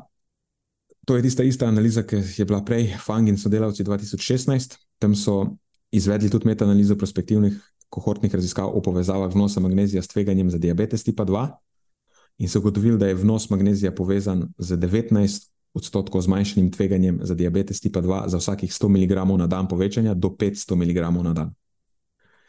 In pol ima še eno metaanalizo Musavija in sodelavcev iz 2021, ki je metaanaliza presečnih in eh, ta case control, primer kontrola raziskav o povezavah koncentracij v krvi s prediabetesom. Eh, tam smo ugotovili, da subjekti s prediabetesom so imeli signifikantno nižje koncentracije magnezija v krvi v primerjavi s kontrolami. In to je bilo za opoprečju za nič cela nič 7 mmol na liter. Kar ni drastično, ampak je dovolj, da nekoga premakne veš, iz, iz serumskih koncentracij, ki so prej rekla, da so recimo nad nič cela 85, ker lahko sklepaš, da ga imaš dovolj, v nižji rang, kjer obstaja verjetnost subkliničnega pomankanja. Je pa tako, da to je spet sam povezava. Vprašanje, ali magnezij tukaj karkoli povzroča. Zaključek bi bil tak, da prehrana z višjim vnosom magnezija je povezana z nižjim tveganjem za diabetes tipa 2 in da imajo prediabetiki in diabetiki tipa 2 načeloma niže koncentracije magnezija v krvi, oziroma slabši status magnezija v telesu. In ja, na podlagi tega, kar vemo, glede na obstoječe povezave in to, da ima magnezij pokazano pomembno vlogo v presnovi glukoze, lahko utemeljeno sklepamo, da je zadosten vnos magnezija pomemben za robustno uravnavanje sladkorja v krvi po drugi strani nezadosten vnos magnezija bi lahko imel neugoden učinek na uravnavanje glukoze v krvi. Ampak je zdaj vprašanje, um, koliko koncentracije magnezija v krvi ali pa status magnezija v telesu na nek eh, direkten oziroma neodvisen način povečajo tveganje za razvoj motene presnove glukoze ali pa celo diabetesa tipa 2. Ker ja, hipomagnezemija bi lahko povzročila slabše urejeno glukozo, oziroma slabše uravnavanje glukoze, lahko je pa tudi posledica slabo urejene glukoze v krvi. Kot so že prej rekla, zaradi povečanih izgub magnezija, ki so sekundarne kronično povišanim ravnem eh, glukoze v krvi, in posledično potem zaradi tega pride do odvečne glukoze v urinu, večjega izločanja urina in tudi večje izgube magnezija. Tako da ne vemo. Zagotovo imamo pa stališče Ameriškega združenja za diabetes, ki pravi tako, da dokazi ne podpirajo uporabe dodajanja magnezija za urejanje ravni sladkorja v krvi pri ljudeh z diabetesom, ki nimajo pomankanja in imajo zadosten vnos s prehrano. Jaz bi rekel, da to velja za vse posodne, sem tukaj. Dodajanje je koristno takrat, ko ga ne vnašaš za dost prehrano, a pa imaš iz nekega razloga poslabšan status, ali pa to, kar poješ prehrano, ni za dost zaradi tvojega zdravstvenega stanja. To, to si je tukaj za odnes domov. No, vse ostalo, kar potem sledi, je tako zelo slabo. Eh, edino, kar mogoče bi še izpostavil, so migrene. Ok, migrene. Pomankanje magnezija je povezano z dejavniki, ki bi lahko povečali pogostost pa intenzivnost glavobolov, eh, sploh preko vpliva na presnovo neuroprenašalcev in delovanje ožilja. Ampak tudi tukaj je literatura na področju povezav vnosa, a statusa magnezija z glavoboli je zelo revna. Obstaja sicer nekaj s placebom kontroliranih raziskav, ki namigujejo na znižanje pogostosti in intenzivnosti migren pri udeležencih, ki so uživali nad 300 do 600 mg na dan. In zanimivo tudi to, da obe Ameriška akademija za neurologijo in Ameriško združenje za glavobole uvrščata višji vnos magnezija v kategorijo morda učinkovitih za preprečevanje migren. Tako da to je tista varianta, probaj pa vidi. In našel sem še eno metaanalizo randomiziranih kontroliranih raziskav o učinkih intravenoznega ali oralnega magnezija za preprečevanje, preprečevanje migren, Čiu in sodelavci 2016. Sicer to je objavljeno v neki kitajski obskurni reviji, kitajske na rekovajih, ampak pač neka obskurna revija je. Ampak vseeno, sem jo sem preletel, pa se mi ni zdela slaba. No? Tako da ne bi je pribil na križ, samo zato, ker je objavljena v neki čudni reviji. Zgledalo mi je kar ok. In pokazano je tako, da intravenozni magnezij zelo dosledno dejansko olajša akutno migreno pri 15 do 45 minutah, 120 minutah in 24 urah po prvotni infuziji. Ampak, koliko je intravenozni magnezij relevanten za splošno populacijo? To se lahko počne samo v strogo nadzorovanem okolju bolnišnice. Noben doma tega ne bo počel, če je pameten. Niti ne vidim, da ima sredstva to početi doma, pa kakorkoli. Uh, no, druga stvar je pa potem oralni magnezij, ki je bil isto vključen v tej metaanalizi. To je bolj zanimivo, da tudi oralni magnezij je bil povezan z zmanjšano pogostostjo in intenzivnostjo migren, in to v odmerku od 300 do 600 mg na dan, vse različne sorte dopolnil so bile uporabljene. Ni bila nobena zelo eksotična, čist navadne. Oksidi, tudi citrati, tudi ono milkov magnezijem, kaj je ono dihidroksid ali whatever. Uh -huh. se pravi, ker se reče, da spohni ni prehransko dopolnilo, ampak iz nekega razloga je bila ena raziskava s tem. Uh, tako da v bistvu vse sorte, ne, skoraj neodvisno od oblike. In to velja spet generalno za vse te metaanalize. Ni nobenih eksotičnih oblik, ki jih uporabljajo, ampak pač kar je na voljo. Mm, tako da, če strnem, kar se tiče teh migren, jaz še zmeraj ne bi rekel, da imamo neke zelo dobre dokaze, ki bi to podpirali, ampak vseeno, recimo, da povečanje vnosa magnezija za nekaj 100 mg na dan nad priporočen vnos, recimo, da prideš tam do teh 600 mg, ne, ni glih čist iztrte izvid predlog za namen preventive pred, pred migrenami. Zna bi, da bi bilo že 300 mg za dost, kar bi se lahko dobiš s prehrano, pa potem, če rečemo, ok, 300 mg, 400 mg s prehrano, mogoče par 100 mg dodatnih, sem 600 mg je že kar dosti. Jaz bi se v tem primeru posvetoval z neurologom in to je tudi njihovo priporočilo. Uh, sploh pa, če ob tem uporabiš kako zdravilo, ki bi lahko prišlo do interakcij, uh, ampak tukaj nisem, to ni moje področje. Uh, mislim, da antidepresivi določeni in take stvari vplivajo na presnovo magnezija. Tudi. Sam tukaj govorim na pamet, ne morem reči. Mm, zdaj nam je pa ostalo še kazalniki vnetja. A je to neka stvar, ki se tudi oglašuje, da magnezij umirja vnetje? Hmm, kaj pa vem? Ne vem, če sem to zelo pogosto zasledil. Ma jaz bi Prej bil v skoraj, kontekstu kakih drugih stvari. Jaz bi bil skoraj zihar, da sem to slišal že. Mislim, slišal definitivno. Vi- videl sem celo eno. prevalentno. Ja, ni prevalentno, ampak nekdo, ki je malo Staja bolj pa. eh, nagnjen k eh, razglašanju benefitov magnezija ali pa tako eh, ezoterične sorte, mislim, da je omenil tudi to.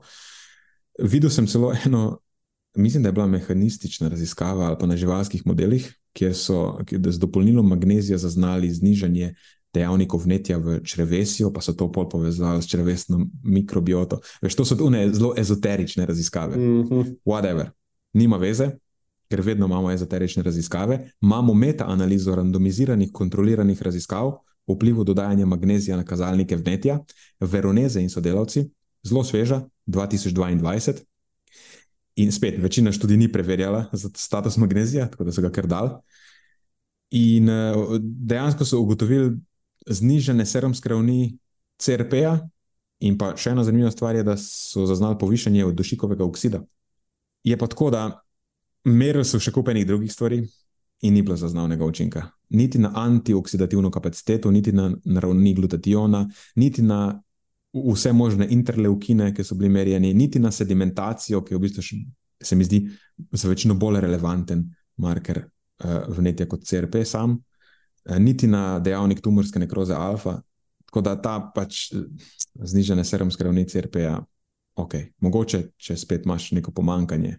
Dvomim, da je to bilo neodvisno od tega eh, od začetnega statusa magnezijano. Pa tudi, če je vprašanje, koliko je bilo relevantno, ker sem pozabil iti preveriti, ali je sploh klinično signifikantno. E, tako da, tudi kar se tiče kazalnikov vnetja, ni dobrih dokazov, da bi nit sam vnos magnezija, kakršen koli bil povezan, kaj šele dodajanje po vrhu. V bistvu na tej točki imamo edino migreno, kjer dodajanje po vrhu je kar, kakorkoli povezano. Pa še to uh Mhm. -huh. v relativno marginalnih količinah. Kaj pa si zasledil kaj v kontekstu spanja? Mislim, da se magnezij pogosto Mhm. tudi na tem naslovu kaj omenja. Lepo, da vprašaš, Matjaš. Sem preveril.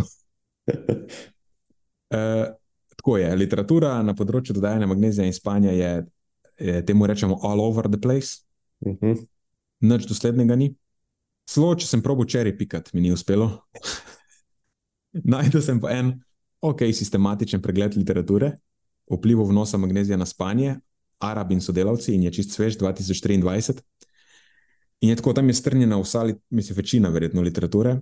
Uh, opazovalne raziskave kažejo na možnost povezave vnosa magnezija s kakovostjo spanca pri odraslih. Načeloma so v teh opazovalnih raziskavah potem ljudje z višjim vnosom poročali o manj zaspanosti čez dan, daljšemu trajanju spanca, pa še vse to, kar jih lahko vprašaš. Tudi smrčanje je bilo, manj, smrča, manj smrčanja.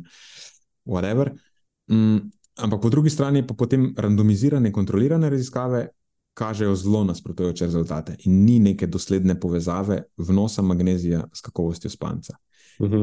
Spet, vedno se najde kakšna raziskava, kjer so ljudem dodajali neko dopolnilo magnezija, pa so pol boljše spali. Ampak doskrat potem greš malo pobrskati po članku, pa najdeš vse sorte drugih razlag uh, kot, kot samo dopolnilo. Tako da so pa, tako kot rečeno, že v štartu rezultati zelo nasprotujoči. In če tehtaš težo dokazov kot tako, je v bistvu ne morem reči nič. Mhm. Mm, Tako da to je, kar se spanca tiče. Pač na tem spancu je kupenih anegdotalnih poročanj, sam veš, kako je. Ko jaz nekaj vzamem, mislim, lahko tudi odmeditiraš, pa boš boljše spal. Vse, kar zavestno narediš v smeri umirjanja, eh, sploh če verjameš, da ti bo pomagalo, ti lahko pomaga. Ja, so hotel reči, da si v bistvu povzel večji delež literature na temo spanja in najrazličnejših dopolnil, ne Ja. samo magnezija. Tako, tako. Um, čist zadnja stvar, ki je na tej točki ustala, še, so motnje razpoloženja. Vem, da magnezij sploh z depresijo se povezuje. In sta dve metaanalizi opazovalnih raziskav o povezavah koncentracij magnezija v obtoku z depresijo. To so, uh, tega bom zdaj ubil. Cheung pa Sitporn in sodelavci. Cheung pa Sitporn. Ja. 2015 in pa Jujo in sodelavci z 2018, zelo skladni sta obe dve. Ugotovili so, da pri pacijentih z depresijo je pogostejše prisotna hipomagnezemija oziroma znižanje koncentracije magnezija v serumu, ampak vse te povezave v obeh člankih dokaj hitro postanejo nesignifikantne, ko se delajo dodatne senzitivnostne analize. Pa še ena pomembna stvar je tukaj, da so ugotovili samo v serumu, um, ko je bila pa meta-analiza narejena na raziskavah, ki so merile magnezij v plazmi ali pa likvorju, bi pričakoval nekako, da ne v likvorju. Bo povezava še očitnejša, če govorimo o zdravju možganov, da ni bilo zaznane povezave. Tako da v vsakem primeru, veš to, da ima nekdo hipomagnezemijo, oziroma da je pogostejša hipomagnezemija, še ne pomeni, da je to vzrok za nekaj, v tem primeru za depresijo. Ker sploh v tem primeru bi vzročnost lahko bila obratna. Depresija poveča tveganje za hipomagnezemijo. Veš, kako so depresivni ljudje. Načeloma manj motivirani za vse in verjetno manj motivirani za to, da pohjejo, kaj šele, da poskrbijo za primerno prehrano. Ja. In ja. veš, pri neprimerni prehrani je, kot smo že ugotovili, magnezij ponavadi izmed, eno izmed prvih mikrohranil, ki odletijo. Ja. Kaj tukaj kura in kaj jajce? Ja. Aha, vidim, da imam zabeleženo. Še je ena meta-analiza kliničnih in opazovalnih raziskav, spet združena v povezavah vnosa magnezija z motnjami razpoloženja, Felan in sodelavci 2018. In spet, glede na to, da so podobne raziskave vključene, prehrana bogata z magnezijem je bila povezana z nižjim tveganjem za depresijo v opazovalnih raziskavah. Veš, spet težko rečeš.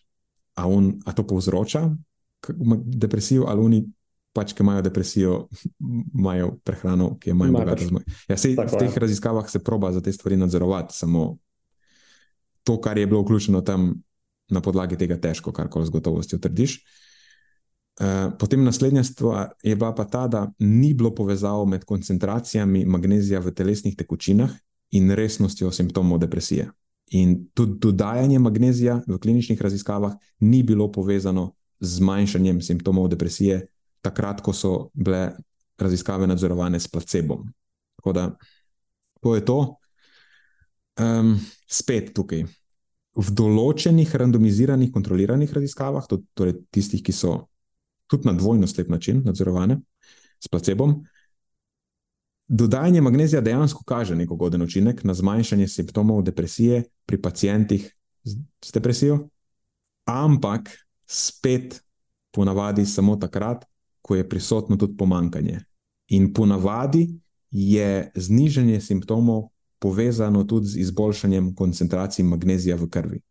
Eh, je ena kar kul cool raziskava na tem področju, Rajizade in sodelavci 2016, eh, kjer so naredili točno to. Vzeli so pacijente z depresijo, so jih stratificirali, oziroma ugotovili, koliko imajo magnezija v krvi, so jim dodajali magnezij, merili pač njihovo subjektivno zaznavanje, pa uporabljali so te klasične uh, merilnike za simptome depresije, in so ugotovili izboljšanje pri tistih, kjer jim se je ob dodajanju izboljšal tudi, oziroma normaliziral status. Tako da spet, ne po vrhu, ampak zgolj z izboljšanjem statusa. Tako da, ja, če imaš. Če ima nekdo depresijo, pa ima zaradi tega pomanjkljivo prehrano, pa slabši status magnezija, lahko še poslabša njegovo depresijo, tako da v tem primeru mu lahko mogoče olajšaš zadevo, če mu normaliziraš ravni, a pa vnos, vsaj. Ampak predvsem ravni. Tako da to je zdaj bila literatura. Uh mhm. -huh. Mislim, da relativno kompletno. Ostale, kompletno ostale povezave so. Vse ostalo, kar se priporoča v zvezi z magnezijem, je pač nerelevantno. Je mešanje megle. Ja, ja par besed lahko namenjamo še vplivu na zmogljivost. Ok. Ja.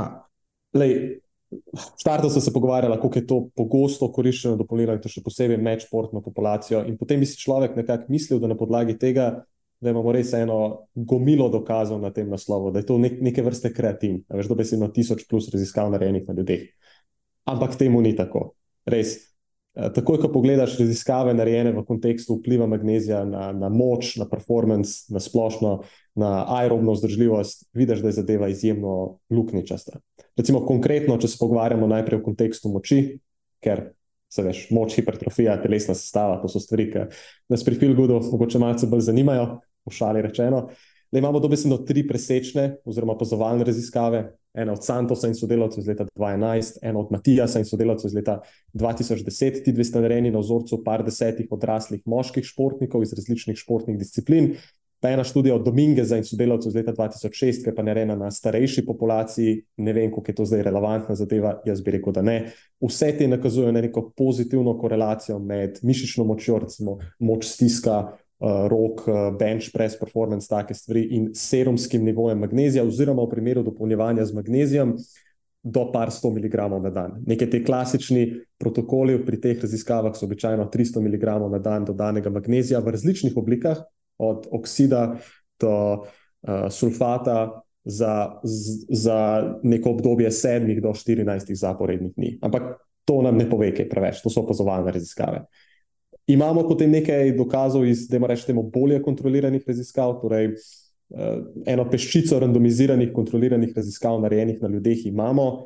Nekatere izmed njih, da ne bom zdaj vsakega izmed teh avtorjev posebej dajal, bo mogoče prelepila to za naše zveste Patreon podpornike. Ne? Uh, nekatere izmed njih kažejo marginalne koristne vplive zadostnega serumskega nivoja magnezija, oziroma v primeru dopolnjevanja z magnezijem v količini par sto mg na dan, ponovno zaporedje 7 do 14 dni običajno.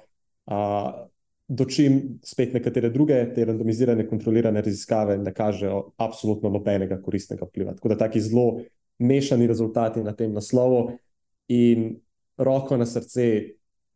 Identična zgodba je tudi na naslovu vzdržljivosti. Mešani rezultati, na kateri marginalno ali pa rahlo pozitivni, spet drugi, brez kakršnih koli pozitivnih vplivov.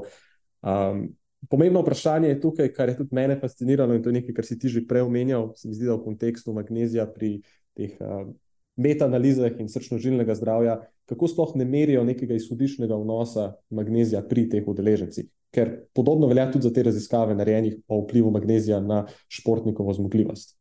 In to je tudi ena usporednica, ki sem jo v tej točki potegnil pri raziskavi, ki je zdaj le v teh končnih, uh, zaključnih potezah, uh, ki jo pripravljava z Nenadom. Uh, je pa v kontekstu vpliva nitratov na zmogljivost. Nekako to besedno nobena raziskava sploh ne spremlja, kakšen je nek baseline, neki sodišni vnos teh nitratov, oziroma v tem primeru magnezija iz prehrane. In potem, ko po vrhu dodajamo ta magnezij, ok, tudi če zasledimo nek marginalen koristen vpliv, a je to zdaj bilo zaradi tega, ker je bil višji vnos magnezija od tiste priporočene količine, ali enostavno odraz tega, da je bil suboptimalen vnos magnezija že v startu, in ko smo dodali magnezij, smo prišli v tisti optimalen rang, pod narekovaj, in na račun tega videli neke pozitivne koristi.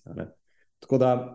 To je generalno problem v ja. prehranskih raziskavah, ko se ugotavlja vpliv posameznih hranil. Vedno je potrebno biti pozoren. Veliko raziskav to sploh ne meri izhodišnjega statusa. In ne vem, kar se mene tiče, je taka raziskava pa skoraj nerelevantna. Ja, in potem dejansko lahko v ta koš nerelevantnosti v bistvu vržeš, mislim, pa dobesedno 99 odstotkov tega, kar imamo na razpolago, nažalost. Ja.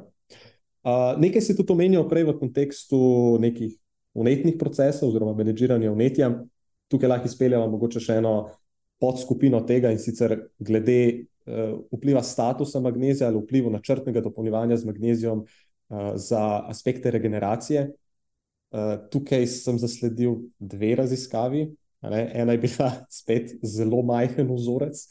Uh, in pri obeh so merili po eni strani subjektivni občutek muskel fibra po izraziti ekscentrični vadbi, takoj ko je v igri neko subjektivno dojemanje, uh, podobno kot pri spanju, a veš, tukaj lahko fulejnih stvari v igri.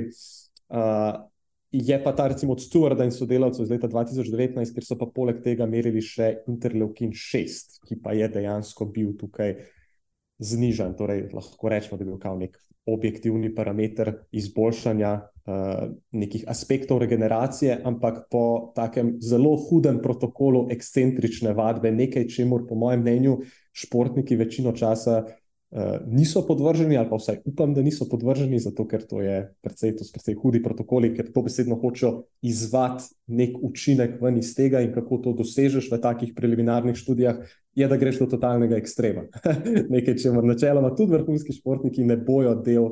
Uh, Kot, kot del nekega, recimo, klasičnega trenažnega procesa. Tako da veš, zelo majhen vzorec raziskav, majhen vzorec posameznikov, na katerih je bila stvar narejena, in tudi zelo nek, omejen efekt, uh, ki je bil opažen. Tako da, veš, moj zaključek na podlagi vsega tega je, um, a, kako sem presenečen, da imamo tako malo ta trenutek na razpolago.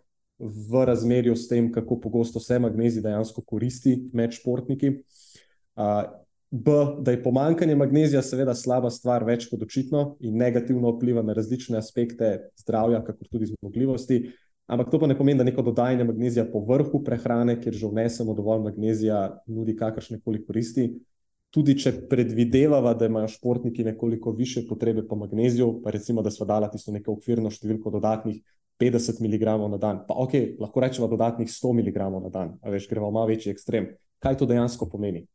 Veš, to je dejansko dodatni, dodatna porcija ali pa dve nekih uh, žitaric ali pa stročnic ali pa česar koli že. To je nekaj, kar tako ali tako že skladno, običajno pride s prehrano športnika, ki ima više energijske potrebe. Tako da, po mojem mnenju, neko dodajanje magnezija po vrhu neke take smotrne prehrane e, enostavno ni potrebno. Če je pa ta prehrana za nič pod narekovaji, potem pa bo potreba popaziti na magnezij, ampak magnezij v tem primeru ni tvoja najhujša skrb, po mojem mnenju ker imaš luknjičasto prehrano še na številnih drugih naslovih.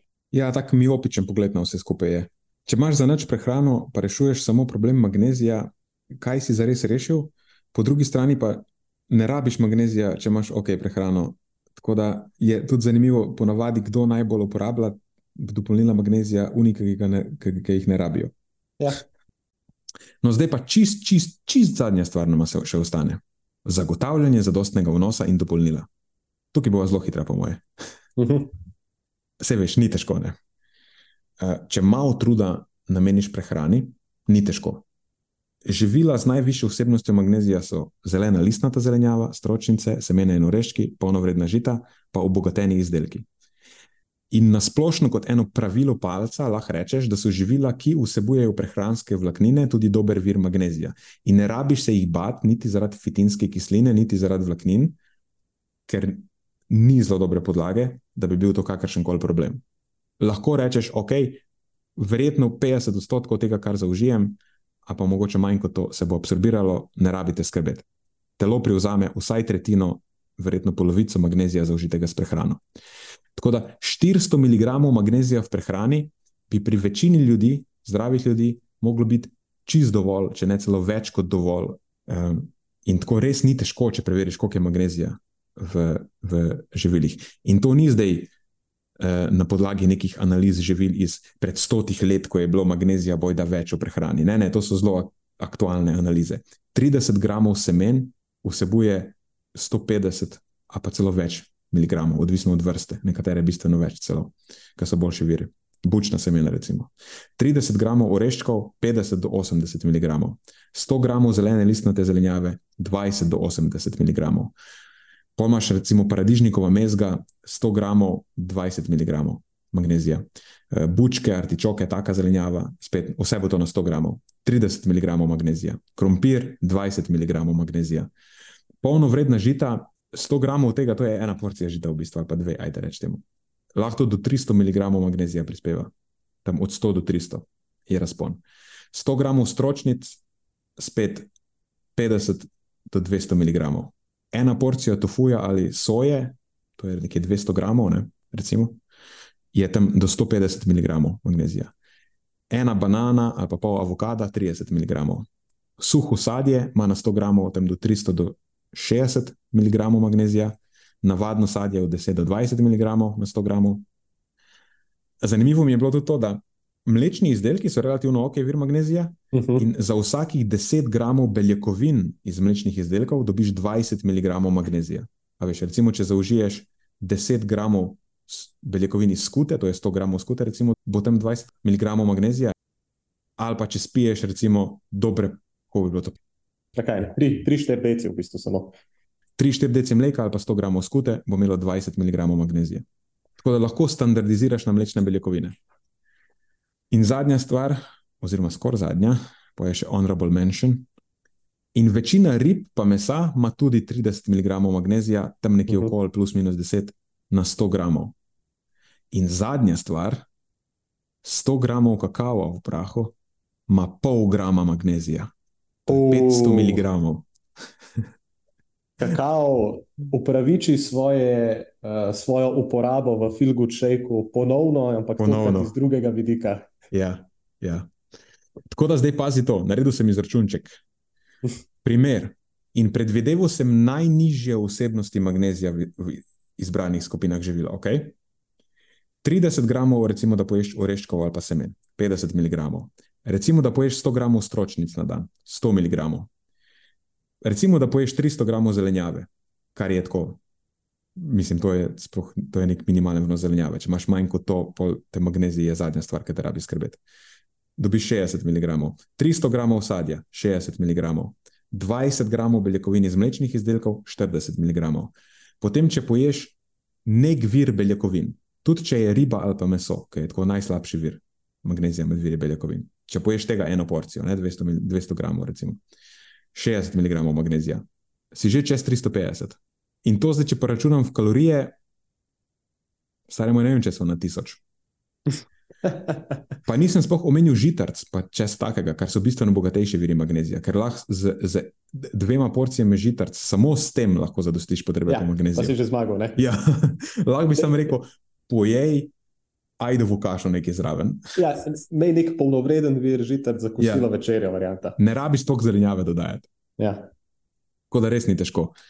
Do teh 300 mg dobrih, ali pa celo 400, prideš na res enostaven način. Zdaj pa, če ti to iz nekega razloga ne uspe, ali pa misliš, da bi bilo smiselno dodati še par 100 mg zraven, recimo 100 ali pa 200, 300 se mi že zdi tako malo. Vsak dan dodajati 300 povrhov prehrane, bogate z magnezijem. Ok, res, če imaš neke hude migrene, pa bi rad to probal v posvetovanju s svojim zdravnikom, potem lahko tudi to probaš. Ampak generalno se mi zdi, da pri neki uravnoteženi prehrani so dopolnila v večini primerov nepotrebna, uh, sploh ker večina povezav ugodnih z vnosom magnezija je na račun prehranskega magnezija. Uh, ampak vseeno, vsi pričakujejo od naju zdaj, da zaključiva z dopolnili, Matjaš. ja, dopolnila so, kot vedno, najbolj vroča stvar. In pa na naslovu magnezija, kot pri mnogih drugih vitaminih, mineralih, tle je malo morje različnih oblik. Ja, ja. In, in tudi kot pri vseh ostalih esencialnih mineralih, so dopolnila najbolj brezvezno področje. Uh, v prvi fazi zato, ker, kot smo ugotovili, so v bistvu nepotrebna v večini primerov, Tako. uh, po drugi strani pa tudi zato, ker zelo malo vemo uh, trdnega Mhm. pri, v privzemu, pa distribuciji po tkivih in tako naprej. Ampak ok, lahko podava nek zaključek. Tako kot si rekel, obstajajo različne oblike magnezija. Imáš v tekočinah topne oblike, temu včasih reče organske, to so organske magnezijeve soli. In načeloma naj bi veljalo, ključna beseda je naj bi, da se absorbirajo bolje, so bolj razpoložljive. Od tistih, ki so manj topne in jim rečemo inorganske oblike, oziroma to so inorganske magnezijeve soli. Zdaj, pokazano, precej dobro razpoložljive oblike magnezija so, tako kot rečeno, organske, aspartat, to je magnezija, aspartat, citrat, laktat, fumarat, sukcinat, treonat, bisglicinat, you name it. Um, tukaj bi zelo težko naredil argument, da je kjerkoli od teh oblik kakorkoli boljša. Na podlagi trenutne liter- literature jaz si tega ne upam. Mhm. No, pol imaš pa še oksid in sulfat, ki sta manj netopna, oziroma manj topna, sta nekoliko manj razpoložljiva. Obstajajo še druge oblike, nisem vseh našteval, ki jih je ma malo morje. Ampak to so najbolj pogoste, recimo. Po- Poanta tukaj je, da so vse oblike relativno dobro razpoložljive. In stopnja absorpcije v večini primerov je ocenjena, da je čist primerljiva stopnji absorpcije magnezija v prehrani. Mogoče je izjema med temi najbolj priljubljenimi dopolnili oksid, ki bi Mhm. lahko bil slabo razpoložljiv, ampak realno ne vemo, ker imaš. Lahko najdeš raziskave, ki predvidevajo slabo razpoložljivost, in potem imaš raziskave, ki kažejo v bistvu čisto enako razpoložljivost Ja. pri vseh ostalih oblikah.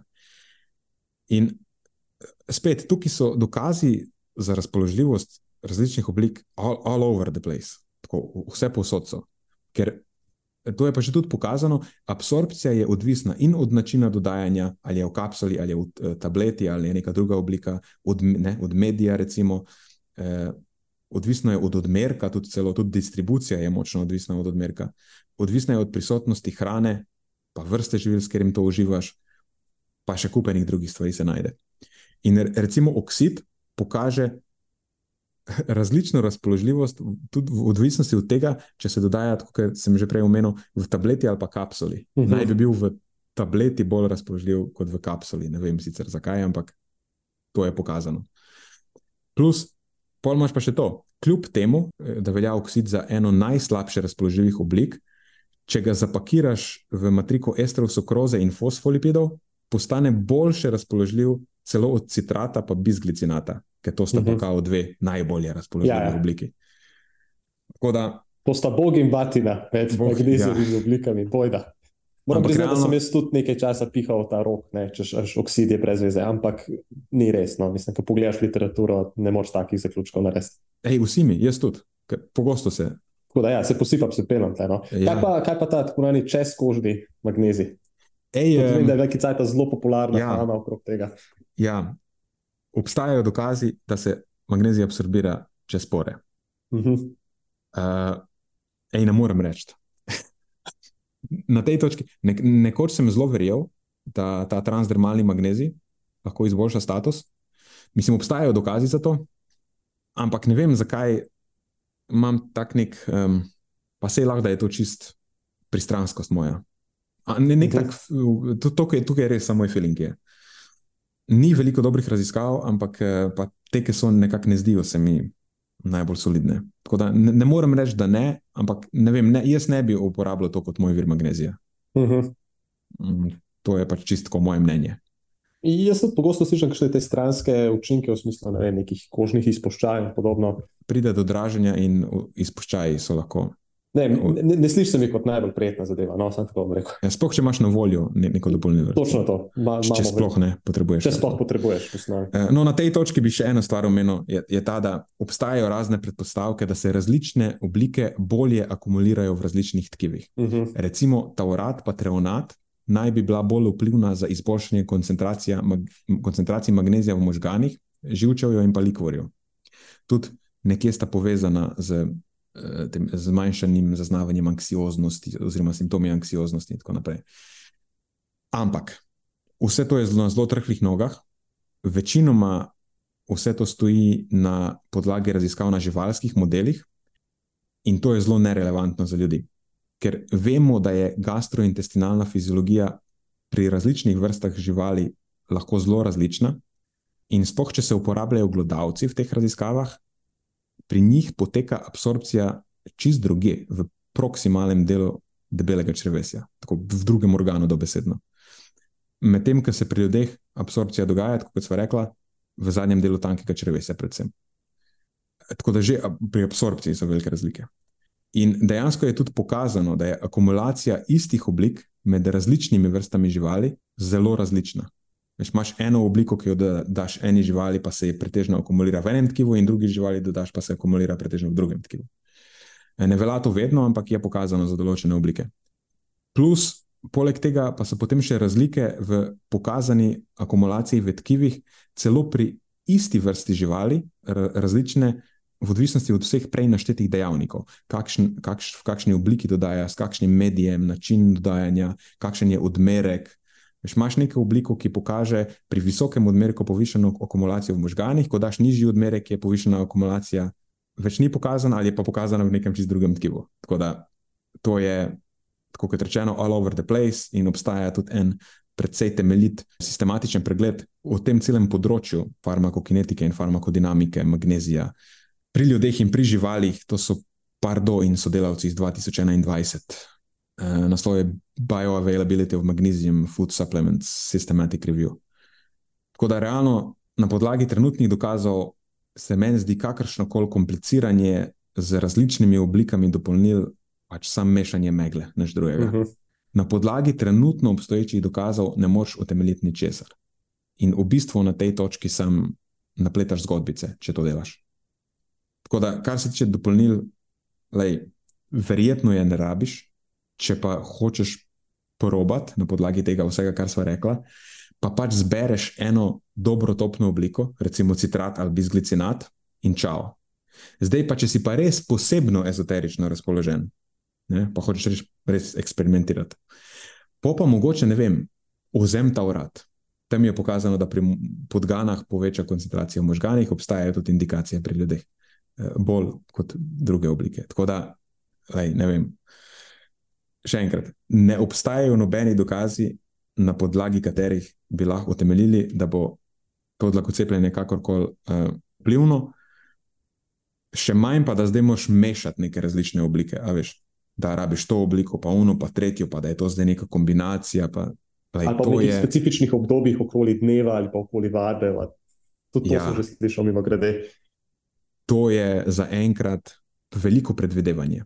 Več ali manj sem zgodbice, lahko so bolj ali slabše utemeljene, ampak dokazov, da je to kakorkoli relevantno, enostavno nimamo.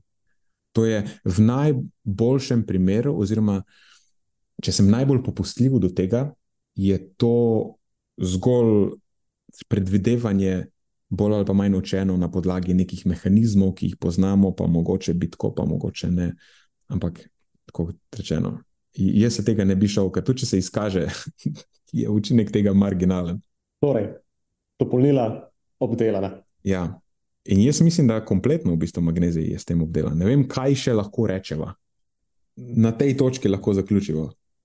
Evo, epizoda pripeljana v kraju. Magnesium special. To je to.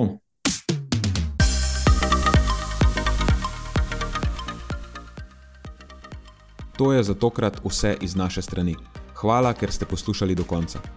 Delite epizodo s svojimi znanci in prijatelji in jo priporočajte dalje, saj s tem omogočite, da sporočilo znanost dobrega počutja doseže čim večjo množico. Hvala vsem, ki nas podpirate s članarino in tudi vsem ostalim, ki delite podcast dalje in nam izkazujete naklonjenost z visokimi ocenami in pozitivnimi komentarji. Se slišimo prihodnjič, do takrat pa ostanite premišljeni.